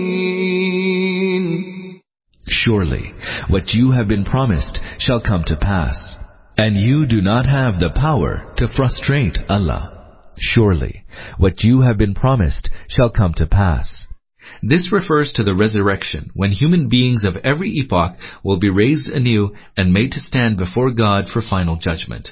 قل يا قوم اعملوا على مكانتكم إني عامل فسوف تعلمون من تكون له عاقبة الدار إنه لا يفلح الظالمون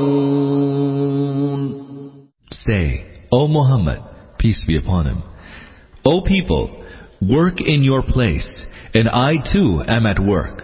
Soon you will know in whose favor the ultimate decision will be. Surely the wrongdoers will not prosper. And I too am at work. If people prefer to ignore the Prophet's admonition and do not recant their misconduct, they are at liberty to follow their chosen path, but they should let the Prophet, peace be upon him, follow his. The ultimate results of their conduct will, in due time, become evident to all, to the Prophet, peace be upon him, as well as to his opponents. وجعلوا لله مما ذرأ من الحرث والأنعام نصيبا فقالوا هذا لله بزعمهم وهذا لشركائنا فما كان لشركائهم فلا يصل إلى الله وما كان لله فهو يصل إلى شركائهم ساء ما يحكمون They assign to Allah a portion out of the produce and cattle that He has created, saying, out of their fancy, this is for Allah, so they deem, and this is for the associates of Allah, whom we have contrived. Then the portion assigned to the beings whom they have set up as associates of Allah does not reach Allah, but the portion assigned to Allah reaches the beings they set up as associates of Allah. Indeed, evil is what they decide. They There now follows an elucidation of the ignorance which those people insistently clung to, and which they were not prepared to forsake. They are also told about the major wrong, which, if not abandoned, will bar their way to salvation. And this is for the associates of Allah, whom we have contrived. They themselves acknowledge that the earth belongs to God, and that it is He who causes the vegetation to grow. They also affirm that God is the creator of the animals which were yoked to their service. They believed, however, that the grace of God for them was the outcome of blessing and benediction of the angels, jinn, heavenly stars, spirits of their pious ancestors, and so on, who cared for their well-being and were their patrons. They therefore used to make twofold division of their harvest and livestock offerings. One part was devoted to God in recognition of their gratitude to Him for having granted them farms and animals, while the rest was devoted to the household gods of either their family or tribes in order to ensure their continuing grace and benediction. First, God censures them for this iniquity and asks them, since all those animals were created and had been granted to them by God alone, what justification there is for making offerings to others. It is not sheer ingratitude to ascribe the acts of benevolence and grace of the true benefactor to the intercession of others and to associate with them the God in thanksgiving. Second, they are censured indirectly for assigning quite an arbitrary share in their offerings to God as if they themselves were the lawmaker who could ascribe shares to God and others as they wished. To God alone belong all the bounties. He has given man, uh, and only his law should therefore determine what part of the bounties should be offered to him in thanksgiving, and how the remaining should be spent. Hence, even if they spend something in the way of Allah for the poor and the deprived, but according to their own will, that does not deserve to be accepted by Him. But the portion assigned to Allah reaches the beings they set up as associates of Allah. This is subtle sarcasm at the trickery to which the polytheists resorted while dividing the offerings between God and the partners whom they had set up with Him.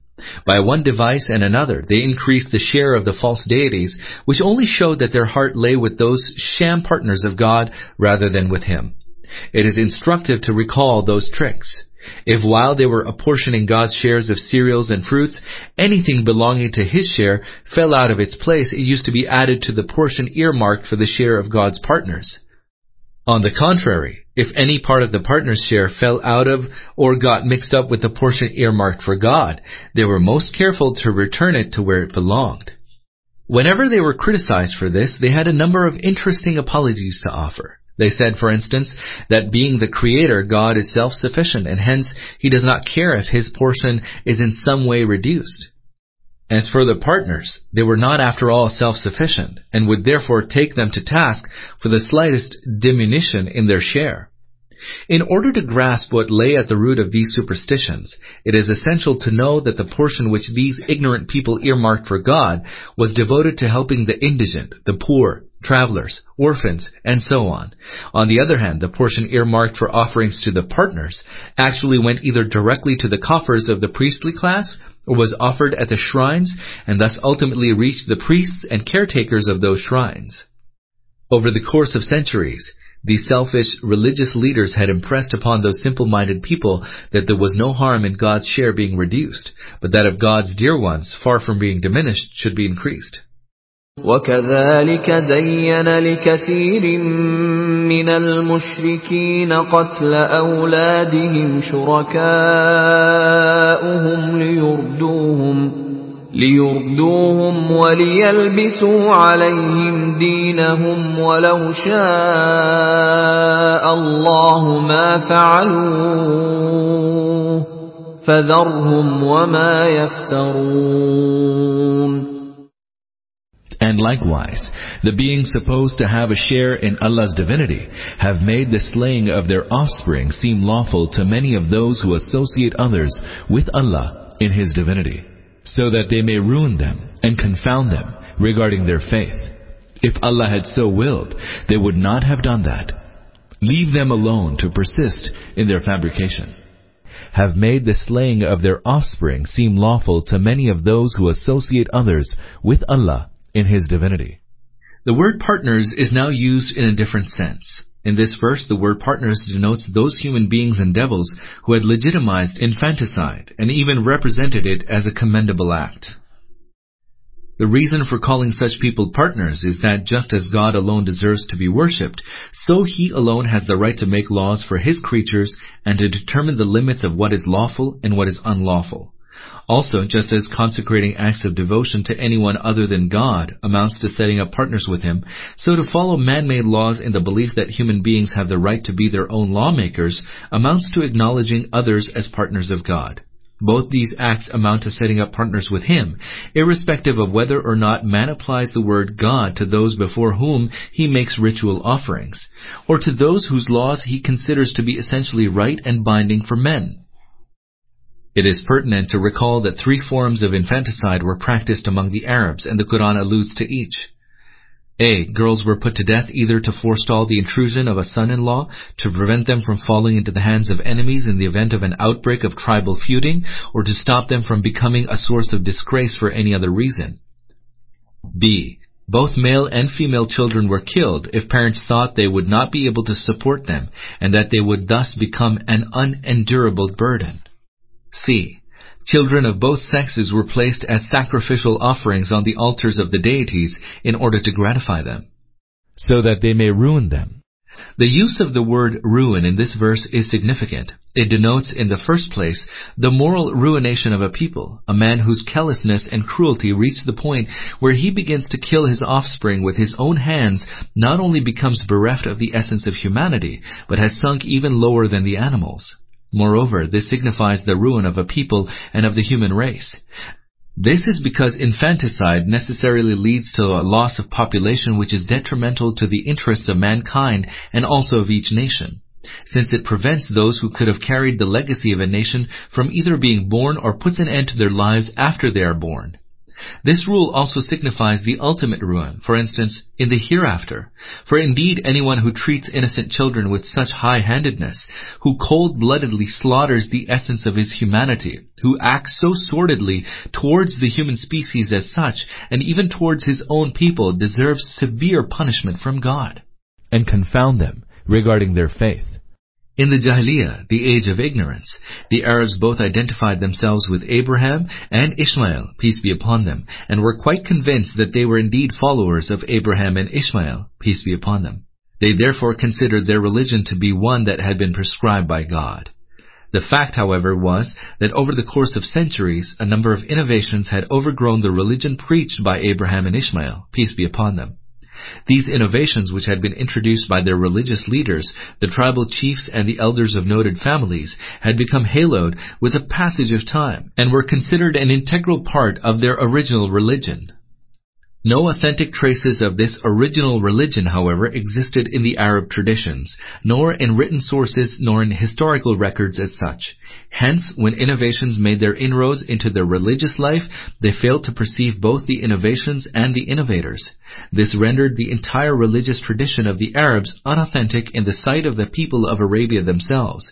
They could not assert with conviction which elements were part of the original God-given religion and which were mere innovations. Leave them alone to persist in their fabrication. Had God not so willed, they could never have kept to their false ways. But God willed that everybody should be allowed to pursue his own choice. Hence, if people do not believe in spite of the Prophet's admonition and persist in their false ways, they must be allowed to do as they please. One need not hound such people and pester them into accepting the truth. وقالوا هذه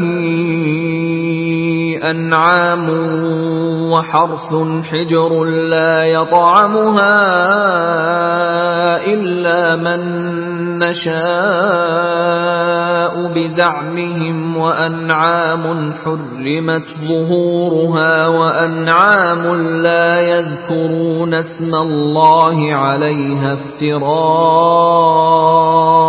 عليه. سيجزيهم بما كانوا يفترون They say, These animals and these crops are sacrosanct. None may eat of them save those whom we will, imposing interdictions of their own contriving. And they declare that it is forbidden to burden the backs of certain cattle, and these are the cattle over which they do not pronounce the name of Allah. All these are false fabrications against Allah, and He will soon requite them for all that they fabricate. Imposing interdictions of their own contriving. There was a practice among the people of Arabia, whereby they used to consecrate certain animals and farms to certain shrines, and had offerings at certain altars. These consecrated offerings could not be used by everybody. An elaborate code laid down what kind of offering could be used by what kind of people. God not only judges such practices to be polytheistic, but also censures them as man-made innovations. God was the master of all that they had consecrated as offerings to the deities. He had neither encumbered human beings with the need to make any of those offerings and consecrations, nor imposed those restrictions on what they might consume. These were the willful inventions of headstrong and rebellious people who attributed to themselves the authority to make laws as they pleased. And these are the cattle over which they do not pronounce the name of Allah. The traditions indicate that there were certain ritual offerings, and that on certain occasions animals were consecrated for sacrifice, at which it was deemed unlawful to pronounce the name of God. It was also prohibited to ride such animals during the pilgrimage, since at that time the pilgrim pronounced the name of God when he recited the formula, Labaik Allahumma Labaik. Every care was taken not to pronounce the name of God at the time of milking, mounting, slaughtering, and eating of such animals. All these are fabrications against Allah. Even though those rules had not been laid down by God, people followed them under the false impression that they had been prescribed by Him. They could not adduce any injunction from God in support of such a belief, and all that they could claim was that it was an integral part of their ancestors' way of life. وقالوا ما في بطون هذه الأنعام خالصة لذكورنا ومحرم على أزواجنا وإن يكن ميتة فهم فيه شركاء سيجزيهم وصفهم إنه حكيم عليم And they say, what is within the bellies of such and such cattle is exclusively for our males and is forbidden to our females. But if it be born dead, they all may share in it. He will soon requite them for all that they falsely attribute to Allah. He is all wise, all knowing. And is forbidden to our females. But if it be born dead, they all may share in it. One of the provisions of the self-contrived religious code of the Arabs was that the flesh of the young born of the animals consecrated as offering to the deities might be eaten by males but not by females. Persons of both sexes were allowed to eat its flesh if it had died either a natural death or was dead at birth. قد خسر الذين قتلوا أولادهم سفها بغير علم وحرموا وحرموا ما رزقهم الله افتراء على الله قد ضلوا وما كانوا مهتدين Those who slayed their children in folly without knowledge and forbade the sustenance that Allah has provided them, falsely ascribing that to Allah, are utter losers. They have gone astray and are certainly not among those guided to the right way. They have gone astray and are certainly not among those guided to the right way. It is put to them plainly that even though such practices had been introduced by their forefathers, religious guides and outstanding leaders, the fact remained that those practices were inherently unsound, that those practices had come down from their ancestors and venerated elders did not necessarily legitimize them. These callous people had introduced such inhuman customs as infanticide and without any justification whatsoever had prohibited to the creatures of God food and drink which He had created. They had also introduced many innovations themselves, making them part of their religion and ascribing them to God. How could such people be considered either to have attained salvation or to be rightly guided? Even though venerated by them as their ancestors, they were nevertheless misguided and were destined to see the evil consequences of their misdeeds. وهو الذي أنشأ جنات معروشات وغير معروشات والنخل والزرع مختلفا أكله والزيتون والرمان متشابها وغير متشابه. كلوا من ثمره إذا أثمر وآتوا حقه يوم حصاده ولا تسرفوا إنه لا يحب المسرفين It is He who has brought into being gardens, the trellised and the untrellised, and the palm trees, and crops, all varying in taste, and the olive and the pomegranates, all resembling one another, and yet so different. Eat of their fruits when they come to fruition, and pay His due on the day of harvesting. And do not exceed the proper limits, for He does not love those who exceed the proper limits. It is He who has brought into being gardens. The Arabic expression Jannatin ma'aru shayatin wa ghayra ma'aru shayatin signifies two kinds of gardens. First, those consisting of trellised plants, and second, those consisting of trees which stand on their own. ومن الأنعام حمولة وفرشا كلوا مما مما رزقكم الله ولا تتبعوا خطوات الشيطان إنه لكم عدو مبين And of the cattle he has reared some for burden, and some whose flesh you eat, and whose skins and hair you use to spread the ground. Eat of the sustenance Allah has provided you, and do not follow in the footsteps of Satan, for surely he is your open enemy. And whose skins and hair you use to spread the ground. The word farasha, which means to spread, to pave, to cover the ground, floor, or path, has been used in the context of cattle, either one, because they are relatively short, and in moving about they seem to have been touching the ground, two, because when they are slaughtered they have to be laid on the ground, or three, because their skins and hair are used for furnishing purposes. And do not follow in the footsteps of Satan, for surely he is your open enemy. It becomes clear from the context that God wants to emphasize three things. First, that the orchards, fields, and cattle are all bounties of God. No one else has made any contribution to them, and hence no one is entitled to any share in the thanks that man ought to give him in return for these bounties. Second, since all those things are bounties of God, one ought to follow the laws of God alone while making use of them. No one else has the right to regulate their use. To acknowledge oneself bound by customs and practices laid down by others than God, and to make offerings out of a feeling of gratitude for beneficence to someone other than God, constitutes acts of rebellion and amount to following Satan. Third, as God has created all these things for the fulfillment of man's needs, they should not be unnecessarily suspended from the use or be regarded as prohibited. All restrictions on the use of the means of sustenance and other bounties of God based on conjecture or superstition are not to His liking at all. ثمانية أزواج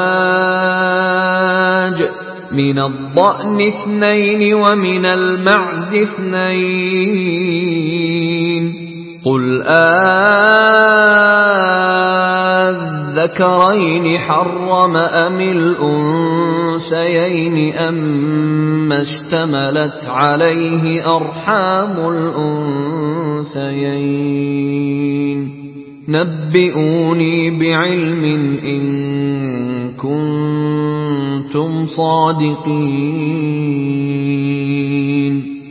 These are eight couples, two of sheep, two of goats.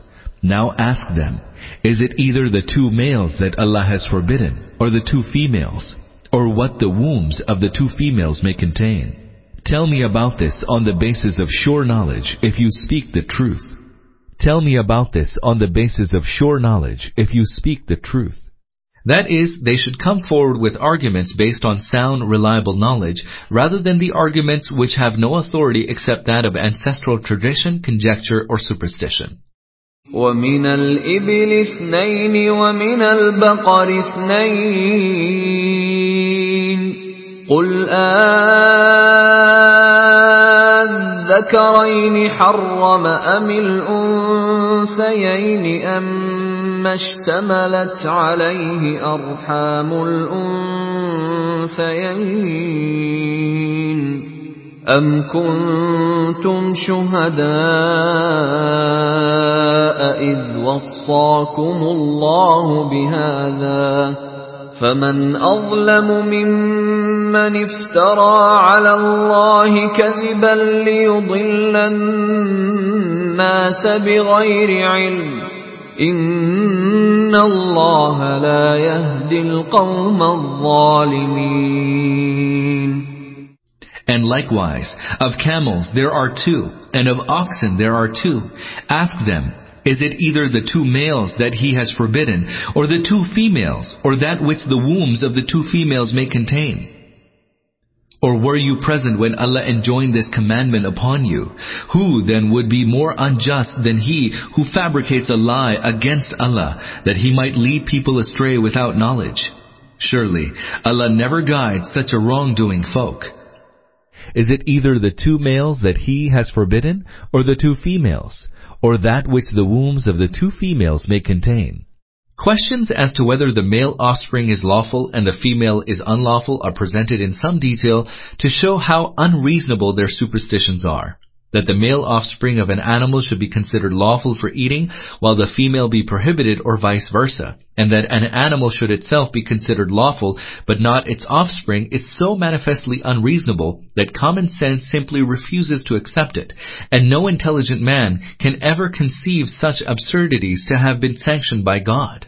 Just as the superstitions in vogue among the Arabs were absurd, as the Quran stresses, likewise many other nations of the world follow even now irrational dietary restrictions and believe that food and drink become polluted merely by the touch of some other people. قل لا أجد فيما أوحي إلي محرما على طاعم يطعمه إلا إلا أن يكون ميتة أو دما مسفوحا أو لحم خنزير فإنه رجس أو فسقا أهل لغير الله به. فمن اضطر غير باغ ولا عاد فإن ربك غفور رحيم Tell them, O Muhammad, peace be upon him, I do not find in what has been revealed to me anything forbidden for anyone who wants to eat unless it be carrion, outpoured blood, and the flesh of swine, all of which is unclean, or that which is profane having been slaughtered in a name other than that of Allah.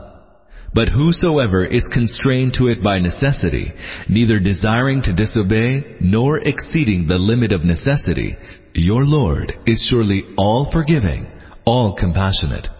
Or that which is profane having been slaughtered in a name other than that of Allah.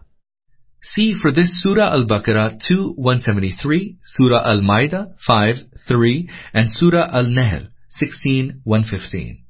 The slight difference between this verse and Surah Al-Baqarah 2:173 is that whereas the latter mentions blood as prohibited, the present verse qualifies it with outpoured, for instance the blood which has flowed as a result of either injuring or slaughtering an animal. This in fact constitutes an elucidation of the former injunction rather than the revelation of a different one. Likewise, Surah Al-Ma'idah 5.3 mentions the prohibition of certain other categories animals strangled or killed by blows, those which have died from either falling or goring, and those devoured by a beast of prey in addition to the four classes mentioned here.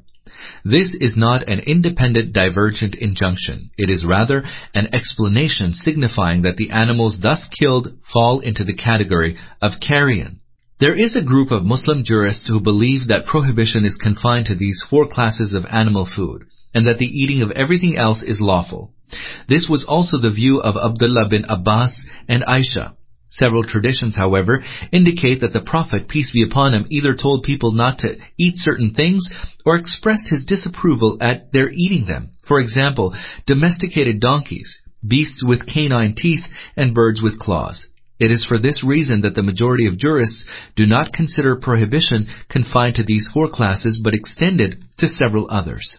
These jurists disagree, however, on which of those things are unlawful and which are lawful. Abu Hanifa, Malik, and Shafi, for example, consider domesticated donkeys to be unlawful. Others argue that the Prophet, peace be upon him, forbade them on a special occasion and because of a special reason. To cite another example, the Hanafi jurists hold wild beasts, birds of prey, and animals which feed on carrion to be absolutely unlawful, whereas Malik and Awza'i hold birds of prey to be lawful. Layth considers the cat to be lawful. In the same way, Shafi considers prohibition to be confined only to those beasts which actually attack man, such as lion, wolf, tiger, and so on. In the opinion of another jurist, Ikramah, both crow and badger are lawful. Likewise, whereas the Hanafi jurists declare all crawling creatures to be prohibited, Ibn Abi Layla, Malik, and Awza'i hold the snake to be lawful. Upon reflection of these divergent opinions and the arguments adduced in support of them, it becomes clear that the categorical prohibition embraces only those four classes mentioned in the Quran. As for other types of animal food regarding which the jurists have expressed a negative view, they seem to carry varying degrees of religious disapprobation. The things whose disapprobation is established by statements of the Prophet, peace be upon him, transmitted to us through sound traditions, are relatively close to prohibition. As for things regarding which there is disagreement among jurists, their religious disapprobation becomes doubtful. Temperamental dislike, however, is quite a different matter. The law of God does not force anyone to eat everything which is not prohibited. At the same time, the law does not entitle anybody to exalt his personal likes and dislikes into a criterion of what is lawful and unlawful. No one is justified in reproaching others for consuming lawful things which offend his tastes. وعلى الذين هادوا حرمنا كل ذي ظفر ومن البقر والغنم حرمنا عليهم شحومهما إلا ما حملت ظهورهما إلا ما حملت ظهورهما أو الحوايا أو ما اختلط بعظم. ذلك جزيناهم ببغيهم وإنا لصادقون And to those who had Judaized, we have forbidden all beasts with claws, and the fat of oxen and sheep, except the fat which is either on their backs or their entrails, or that which sticks to the bones. Thus did we requite them for their rebellion. Surely we state the truth. Thus did we requite them for their rebellion. This is discussed at three places in the Quran. Surah Al-Imran 393 states, All food was lawful to the children of Israel except what Israel made unlawful to themselves before the revelation of the Torah. Tell them, bring the Torah and recite any passage of it if you are truthful. Surah Al-Nisa 4160 mentions that because of the misdeeds of the children of Israel, we forbade them many clean things which had earlier been made lawful to them. And now the present verse says that because of the transgression of the Jews, God forbade unto them all beasts with claws, and the fat of oxen, and the sheep except the fat which is either on their backs or their entrails, or that which sticks to the bones. If these three verses are taken together, it becomes clear that the differences between Islamic law and Jewish law with regard to what is lawful and what is unlawful in animal foods stems from two considerations. First, that several centuries before the revelation of the Torah, Israel, Jacob, peace be upon him, had given up the use of certain things, which his descendants also abstained from consuming. The result was that Jewish jurists considered them to be absolutely unlawful and recorded their prohibition in the Torah. They included the camel, the hare, and the rock badger, the prohibition which is mentioned in the fragments of the Torah embodied in the Bible. See Leviticus 11:4, Deuteronomy 14:7. But the Quran challenges the Jews to come forward with the Torah itself and show where any of those things have been declared unlawful. Their inability to do so shows that those interdictions must have been later interpolations into the Torah. Second, when the Jews rebelled against the law revealed by God and set themselves up as their own lawgivers, they made several things unlawful for themselves, and as a punishment, God allowed them to remain a prey to that misunderstanding.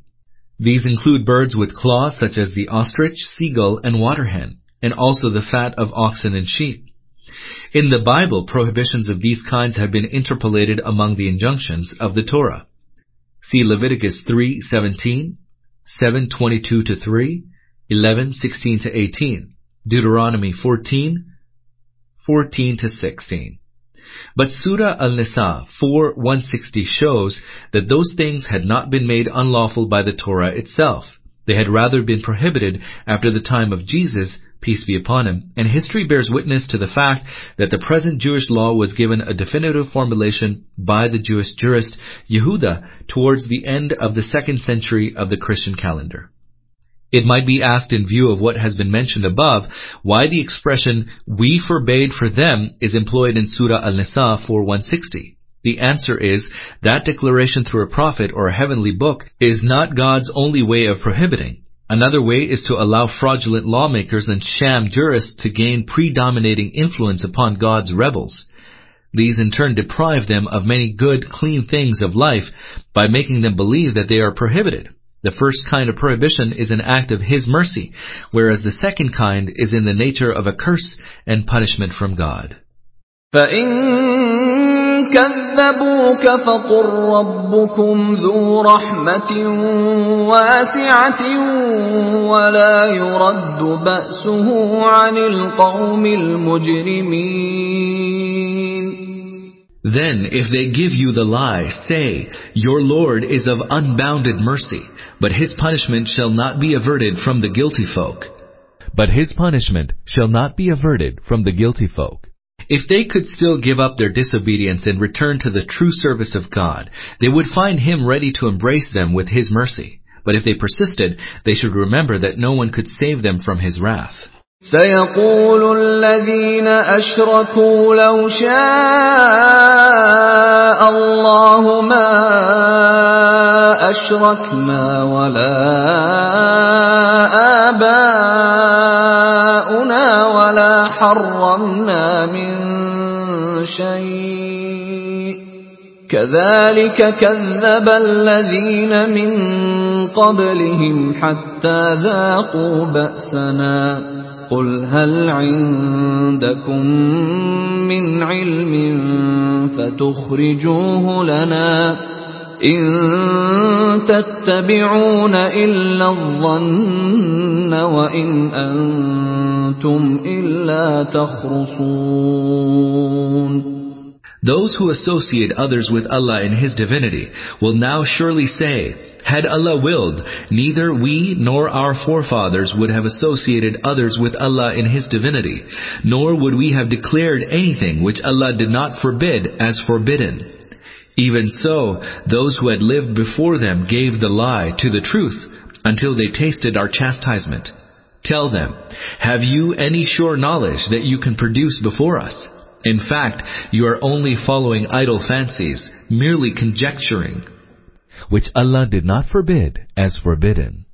Their apology for their crimes and misdeeds would be that which has always been advanced by criminals and wrongdoers, an apology based on the assumption of absolute determinism.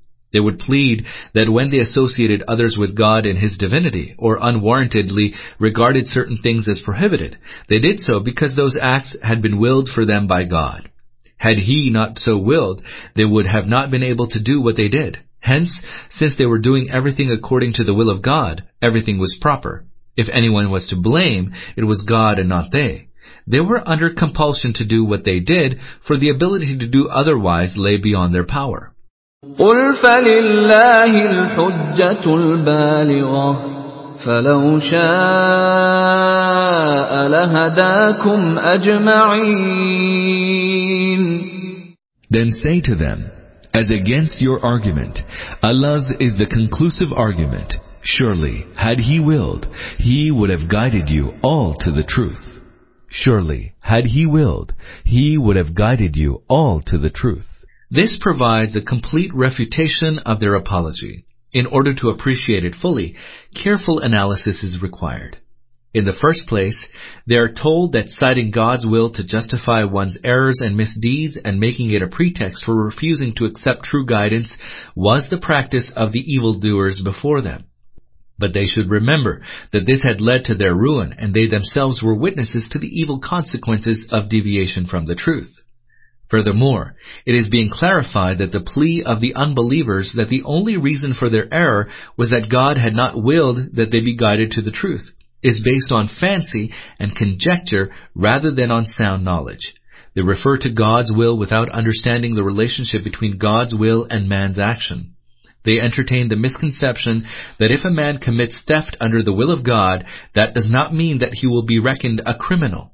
For the fact is that whichever path a man chooses, be it that of gratitude or ungratitude to God, of guidance or error, obedience or disobedience, God will open that path for him. And thereafter, God will permit and enable him within the framework of his universal scheme, and to the extent that he deems fit, to do whatever he chooses to do whether it is right or wrong. If their forefathers had been enabled by God's will to associate others with Him in His divinity and prohibit clean things, that did not mean that they were not answerable for their misdeeds. On the contrary, everyone will be held responsible for choosing false ways, for having a false intent, and for having striven for false ends. The crucial point is succinctly made at the end in the words, Then say to them, as against your argument, Allah's is the conclusive argument. Surely, had He willed, He would have guided you all to the truth. The argument which they put forward, viz., if Allah had willed, neither we nor our forefathers could have associated others with Allah and His divinity, does not embody the whole truth. The whole truth is that, had He willed, He would have guided you all to the truth. In other words, they were not prepared to take the straight way of their own choice and volition. As it was not God's intent to create them with inherent right guidance, like the angels, they would be allowed to persist in the error they had chosen for themselves. قل هلم شهداءكم الذين يشهدون أن الله حرم هذا فإن شهدوا فلا تشهد معهم ولا تتبع أهواء الذين كذبوا بآياتنا والذين لا يؤمنون بالآخرة وهم بربهم يعدلون Say to them, Call your witnesses to testify that Allah forbade such and such. Then, if they do testify, neither testify with them, nor follow the desires of those who have given the lie to our signs, and who do not believe in the hereafter, and set up equals to their Lord. Then, if they do testify, neither testify with them. A person who is conscious that he should testify only to that which he knows can never testify that the taboos regarding food and other customs prevalent in their society had been enjoined by God. But if some people are brazen enough to feel no compunction in bearing false witness, then at least the believers should not become their partners in lying. The real purpose in asking them to testify honestly whether their customs and practices had in fact been sanctioned by God is to stimulate those with some sense of honesty to reflect on the character of their customs and practices. Perhaps when they realize that there is no evidence of those prohibitions having been prescribed by God, some of them may decide to get rid of them. قل تعالوا أتل ما حرم ربكم عليكم ألا تشركوا به شيئا ألا تشركوا به شيئا وبالوالدين إحسانا ولا تقتلوا أولادكم من إملاق نحن نرزقكم وإياهم ولا تقربوا الفواحش ما ظهر منها وما بطن ولا تقتلوا النفس التي حرم الله إلا بالحق ذلكم وصاكم به لعلكم تعقلون. Say to them, O Muhammad, peace be upon him, Come, let me recite what your Lord has laid down to you. 1. That you associate nothing with him. 2. And do good to your parents. 3. And do not slay your children out of fear of poverty. We provide you, and will likewise provide them with sustenance. 4. And do not even draw near to things shameful, be they open or secret. 5. And do not slay the soul sanctified by Allah except in just cause. This He has enjoined upon you so that you may understand. Come, let me recite what your Lord has laid down to you. The restrictions which had shackled their lives were not those imposed by God. The real worthwhile restrictions are those prescribed by God in order to regulate human life. These have always served as the essential basis of all God-given codes. That you associate nothing with Him. The first principle is that they should associate none with God in His divinity, neither in His essence, nor in His attributes, nor in His powers and authority, nor in the rights He has against His creatures. To associate someone with God in His divinity is to declare that the former shares the essence of God's divinity. Instances of associating others in God's essence are the Christian doctrine of the Trinity, the belief of the pagan Arabs that angels are daughters of God, and the belief of other polytheists in the divine character of their self-styled gods and goddesses, and in some cases of their royalty. Likewise, a person associates others in the attributes of God when he considers someone other than God to be invested with those attributes which belong exclusively to God. One becomes guilty of this kind of polytheism if one believes somebody either to know all the mysteries of the unseen, or to be all-seeing and all-hearing, or to be free of all defects and weaknesses, and thus infallible. Again, a person associates others in the authority of God when he recognizes someone to be possessed of authority which belongs to God alone by virtue of his Godhead. For example, the power to either benefit or harm people in a supernatural manner to fulfill the needs of people and rescue them from distress, to protect and shield them, to hear their prayers, to make or mar their fate. A person is guilty of the same when he recognizes someone as possessing the rightful authority to determine what is lawful and what is unlawful, and to make laws for the regulation of human life.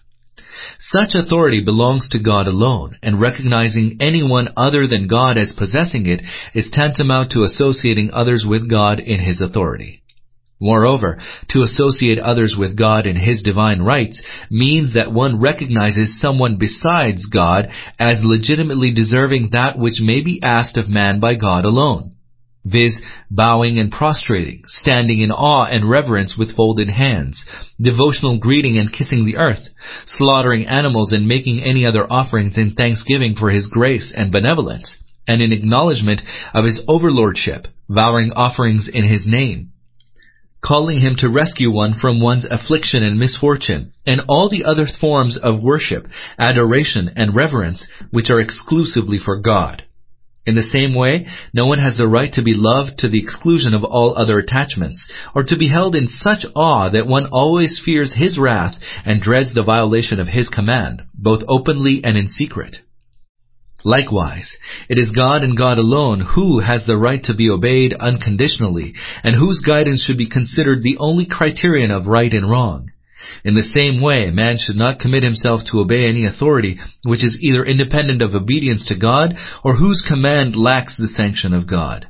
If someone accords any of these rights to anyone other than God, he is guilty of associating others with God in his divinity. His guilt is the same whether or not he calls such beings divine. And do good to your parents. Accordingly, good treatment of one's parents includes showing them respect and reverence, obeying them, trying to keep them pleased, and serving them. The Quran always mentions this right of the parents immediately after mentioning the duty one owes to God alone. This makes it quite clear that the rights of parents have precedence over those of other human beings. And do not even draw near to things shameful, be they open or secret.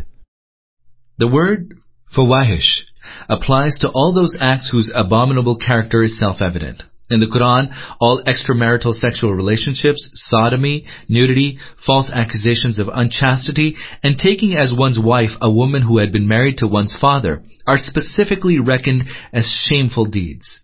Fawahish. In Hadith, theft, taking intoxicating drinks, and begging have been characterized as fawahish, as have many other brazenly indecent acts. Man is required to abstain from them both openly and in secret. And do not slay the soul sanctified by Allah except in just cause. This means that human life, which has been declared inviolable by God, can only be destroyed for just cause. As for what is meant by just cause, we ought to remember that three cases are embodied in the Quran, whereas two additional cases have been stated by the Prophet, peace be upon him. The cases mentioned by the Quran are the following. A. That a man is convicted of deliberate homicide and thus the claim of retaliation is established against him. B. That someone resists the establishment of the true faith so that fighting against him might become necessary. C. That someone is guilty of spreading disorder in the domain of Islam and strives to overthrow the Islamic order of the government. The two cases mentioned in the Hadith are A. That a person commits illegitimate sexual intercourse even after marriage. B. That a Muslim is guilty of apostasy and rebellion against the Muslim body politic. Except for these five reasons, slaying a human being is not permissible, regardless of whether he is a believer, a protected non-Muslim, dhimmi, or an ordinary unbeliever.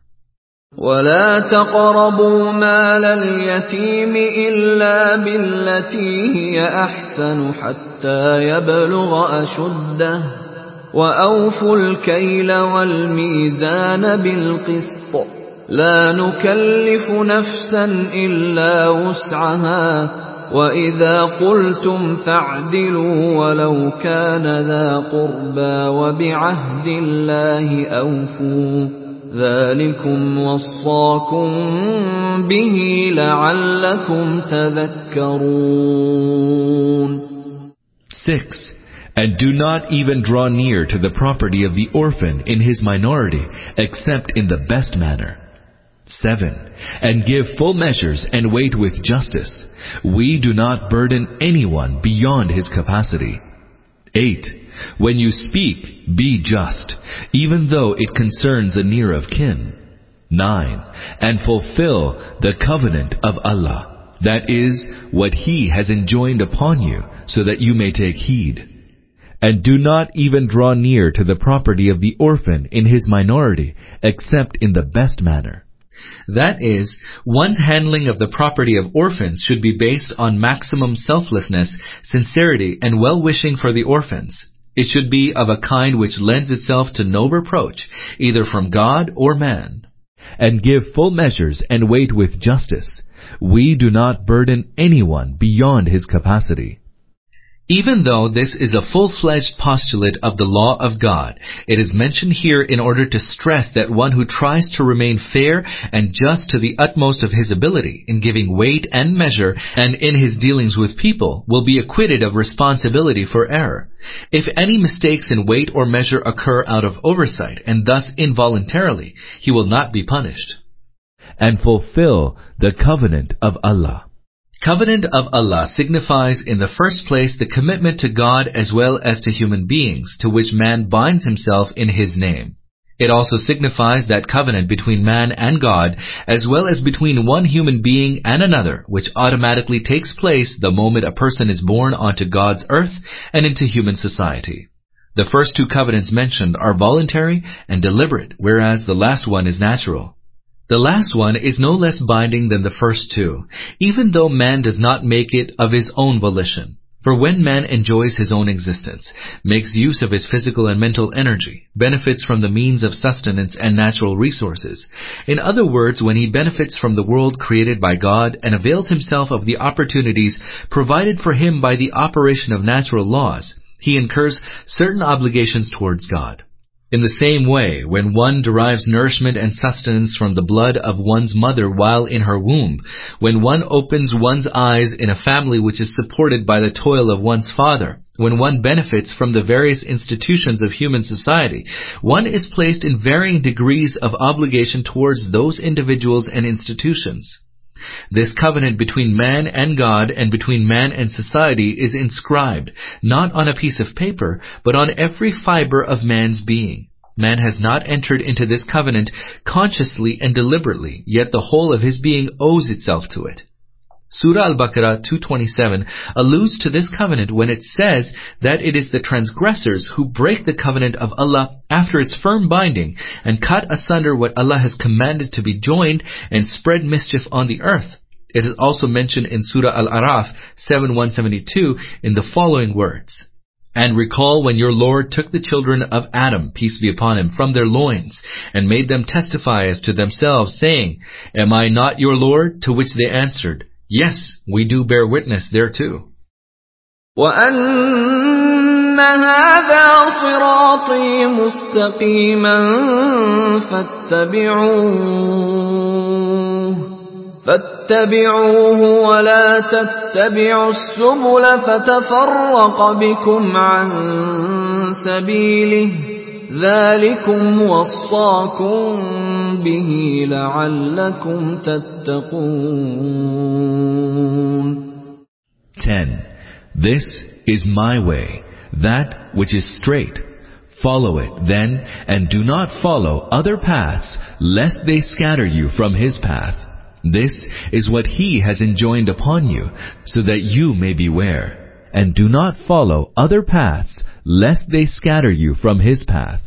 It is an essential corollary of the natural covenant mentioned above that man should follow the way prescribed by his Lord. Any deflection from the orders of God, or serving anyone other than Him, constitutes a primary breach of that covenant.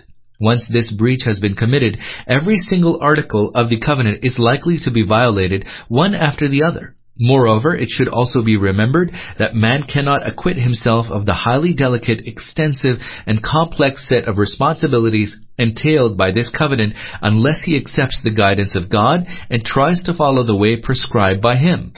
Non-acceptance of God's guidance necessarily produces two grave and damaging consequences.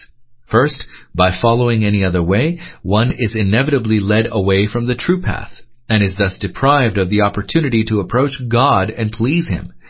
Second, as soon as man deviates from the straight way prescribed by God, he encounters a whole labyrinth of highways and byways, causing the entire human species to fall a prey to total bewilderment and perplexity and which shatters all dreams of a steady advance towards maturity and betterment.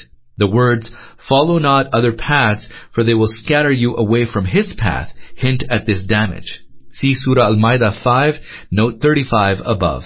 ثم آتينا موسى الكتاب تماما على الذي أحسن وتفصيلا لكل شيء وتفصيلا لكل شيء وهدى ورحمة لعلهم بلقاء ربهم يؤمنون Then we gave Moses the book, peace be upon him, completing the benediction of Allah upon the one who acts righteously, spelling out everything clearly, a guidance and a mercy so that they may believe in their meeting with their Lord. A guidance and a mercy that they may believe in their meeting with their Lord. To believe in meeting with the Lord signifies the conviction that one is answerable to God and which leads one to adopt responsible behavior in life. The statement made here could mean two things. It might mean that the teachings of the heavenly book vouchsafed to Moses, peace be upon him, could itself create a sense of responsibility among the Israelites. Alternatively, it might mean that when ordinary people observe the wonderful way of life prescribed by God and note the beneficial effects of its merciful dispensation in the lives of the righteous people, they will come to realize that belief in the afterlife is in all respects a better basis for human life than its denial. In this way, their observation and study might turn them from rejection to true faith. وهذا كتاب أنزلناه مبارك فاتبعوه واتقوا لعلكم ترحمون And likewise, we revealed this book, a blessed one. Follow it then, and become God-fearing. You may be shown mercy. أن تقولوا إنما أنزل الكتاب على طائفتين من قبلنا وإن كنا عن دراستهم لغافلين. You may no longer say now that the book was revealed only to two groups of people before us, and that we had indeed been unaware of what they read. That the book was revealed only to two groups of people before us. The allusion is to the Jews and the Christians. أو تقولوا لو أنا أنزل علينا الكتاب لكنا أهدى منهم فقد جاءكم بينة من ربكم وهدى ورحمة فمن أظلم ممن كذب بآيات الله وصدف عنها سنجزي الذين يصدفون عن آياتنا سوء العذاب بما كانوا يصدفون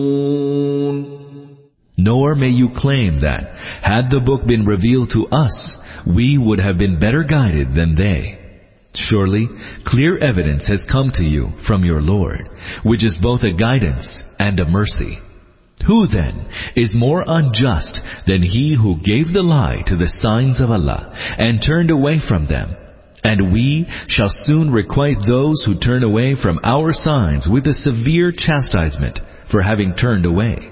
Who then is more unjust than he who gave the lie to the signs of Allah and turned away from them? Signs of Allah include the teachings embodied in the Quran. They are also manifest in the noble life of the Prophet, peace be upon him, and the pure lives of those who believed in him. They also include the natural phenomena to which the Quran refers in support of its message. هل ينظرون إلا أن تأتيهم الملائكة أو يأتي ربك أو يأتي بعض آيات ربك يوم يأتي بعض آيات ربك لا ينفع نفسا إيمانها لم تكن آمنت من قبل أو كسبت في إيمانها خيرا قل انتظروا إنا منتظرون What? Do they wait either for the angels to appear before them, or for your Lord to come unto them, or for some clear signs of your Lord to appear before them? When some clear signs of your Lord will appear, believing will be of no avail to anyone who did not believe before, or who earned no good deeds through his faith. Say, wait on, we too are waiting, or for your Lord to come unto them or for some clear signs. That is, either tokens of the approach of the day of reckoning, or God's scourge, or any other sign that will uncover the truth, after which there will be no reason left for testing man. Or who earned no good deeds through his faith. Those tokens will be so clear that after their appearance it will neither avail the unbeliever to repent for his unbelief, nor the disobedient to forsake his disobedience. For faith and obedience have meaning and value only as long as the truth remains hidden, as long as the tenure of life granted to people does not seem to have approached its end, and the world with all its vanities continues to delude man that, as there may neither be God nor afterlife, one should eat, drink, and enjoy oneself as best one can. إن الذين فرقوا دينهم وكانوا شيعا لست منهم في شيء إنما أمرهم إلى الله ثم ينبئهم بما كانوا يفعلون Surely, you have nothing to do with those who have made divisions in their religion and become factions. Their matter is with Allah, and He will indeed tell them in time what they have been doing. Surely, you have nothing to do with those who have made divisions in their religion and become factions. This is addressed to the Prophet, peace be upon him, and through him to all followers of the true faith. The import of this statement is that true faith has always consisted and still consists in recognizing the one true God as one's God and Lord, in associating none with God in His divinity, neither in respect of His essence, nor of His attributes, nor His claims upon His creatures, in believing in the hereafter, and hence considering oneself answerable before God and in living according to those principles and values which have been communicated by God to mankind through His prophets and books. This was the religion entrusted to man at the beginning of human life. The religions which emerged later stemmed from the perverted ingenuity of man, from his baser lusts, and from an exaggerated sense of devotion to venerable personalities. Such factors corrupted the original religion and overlaid it with harmful innovations. Hence, people modified and distorted the original beliefs by mixing them with products of their conjecture and philosophical thinking. More and more innovations were added to the original laws of the true religion. Putting aside the law of God, men set themselves up as their own lawmakers, indulged in hair-splitting elaborations, and exaggerated the importance of disagreements in minor legal problems. They showed excessive veneration for some prophets of God and some standard bearers of the true religion, and directed their rancor and hatred against the others. Thus there emerged innumerable religions and sects, the birth of each leading to the fragmentation of humanity into an ever-increasing number of mutually hostile groups. Anyone who decides to follow the true religion must therefore cut himself off from all factions and chart an independent course.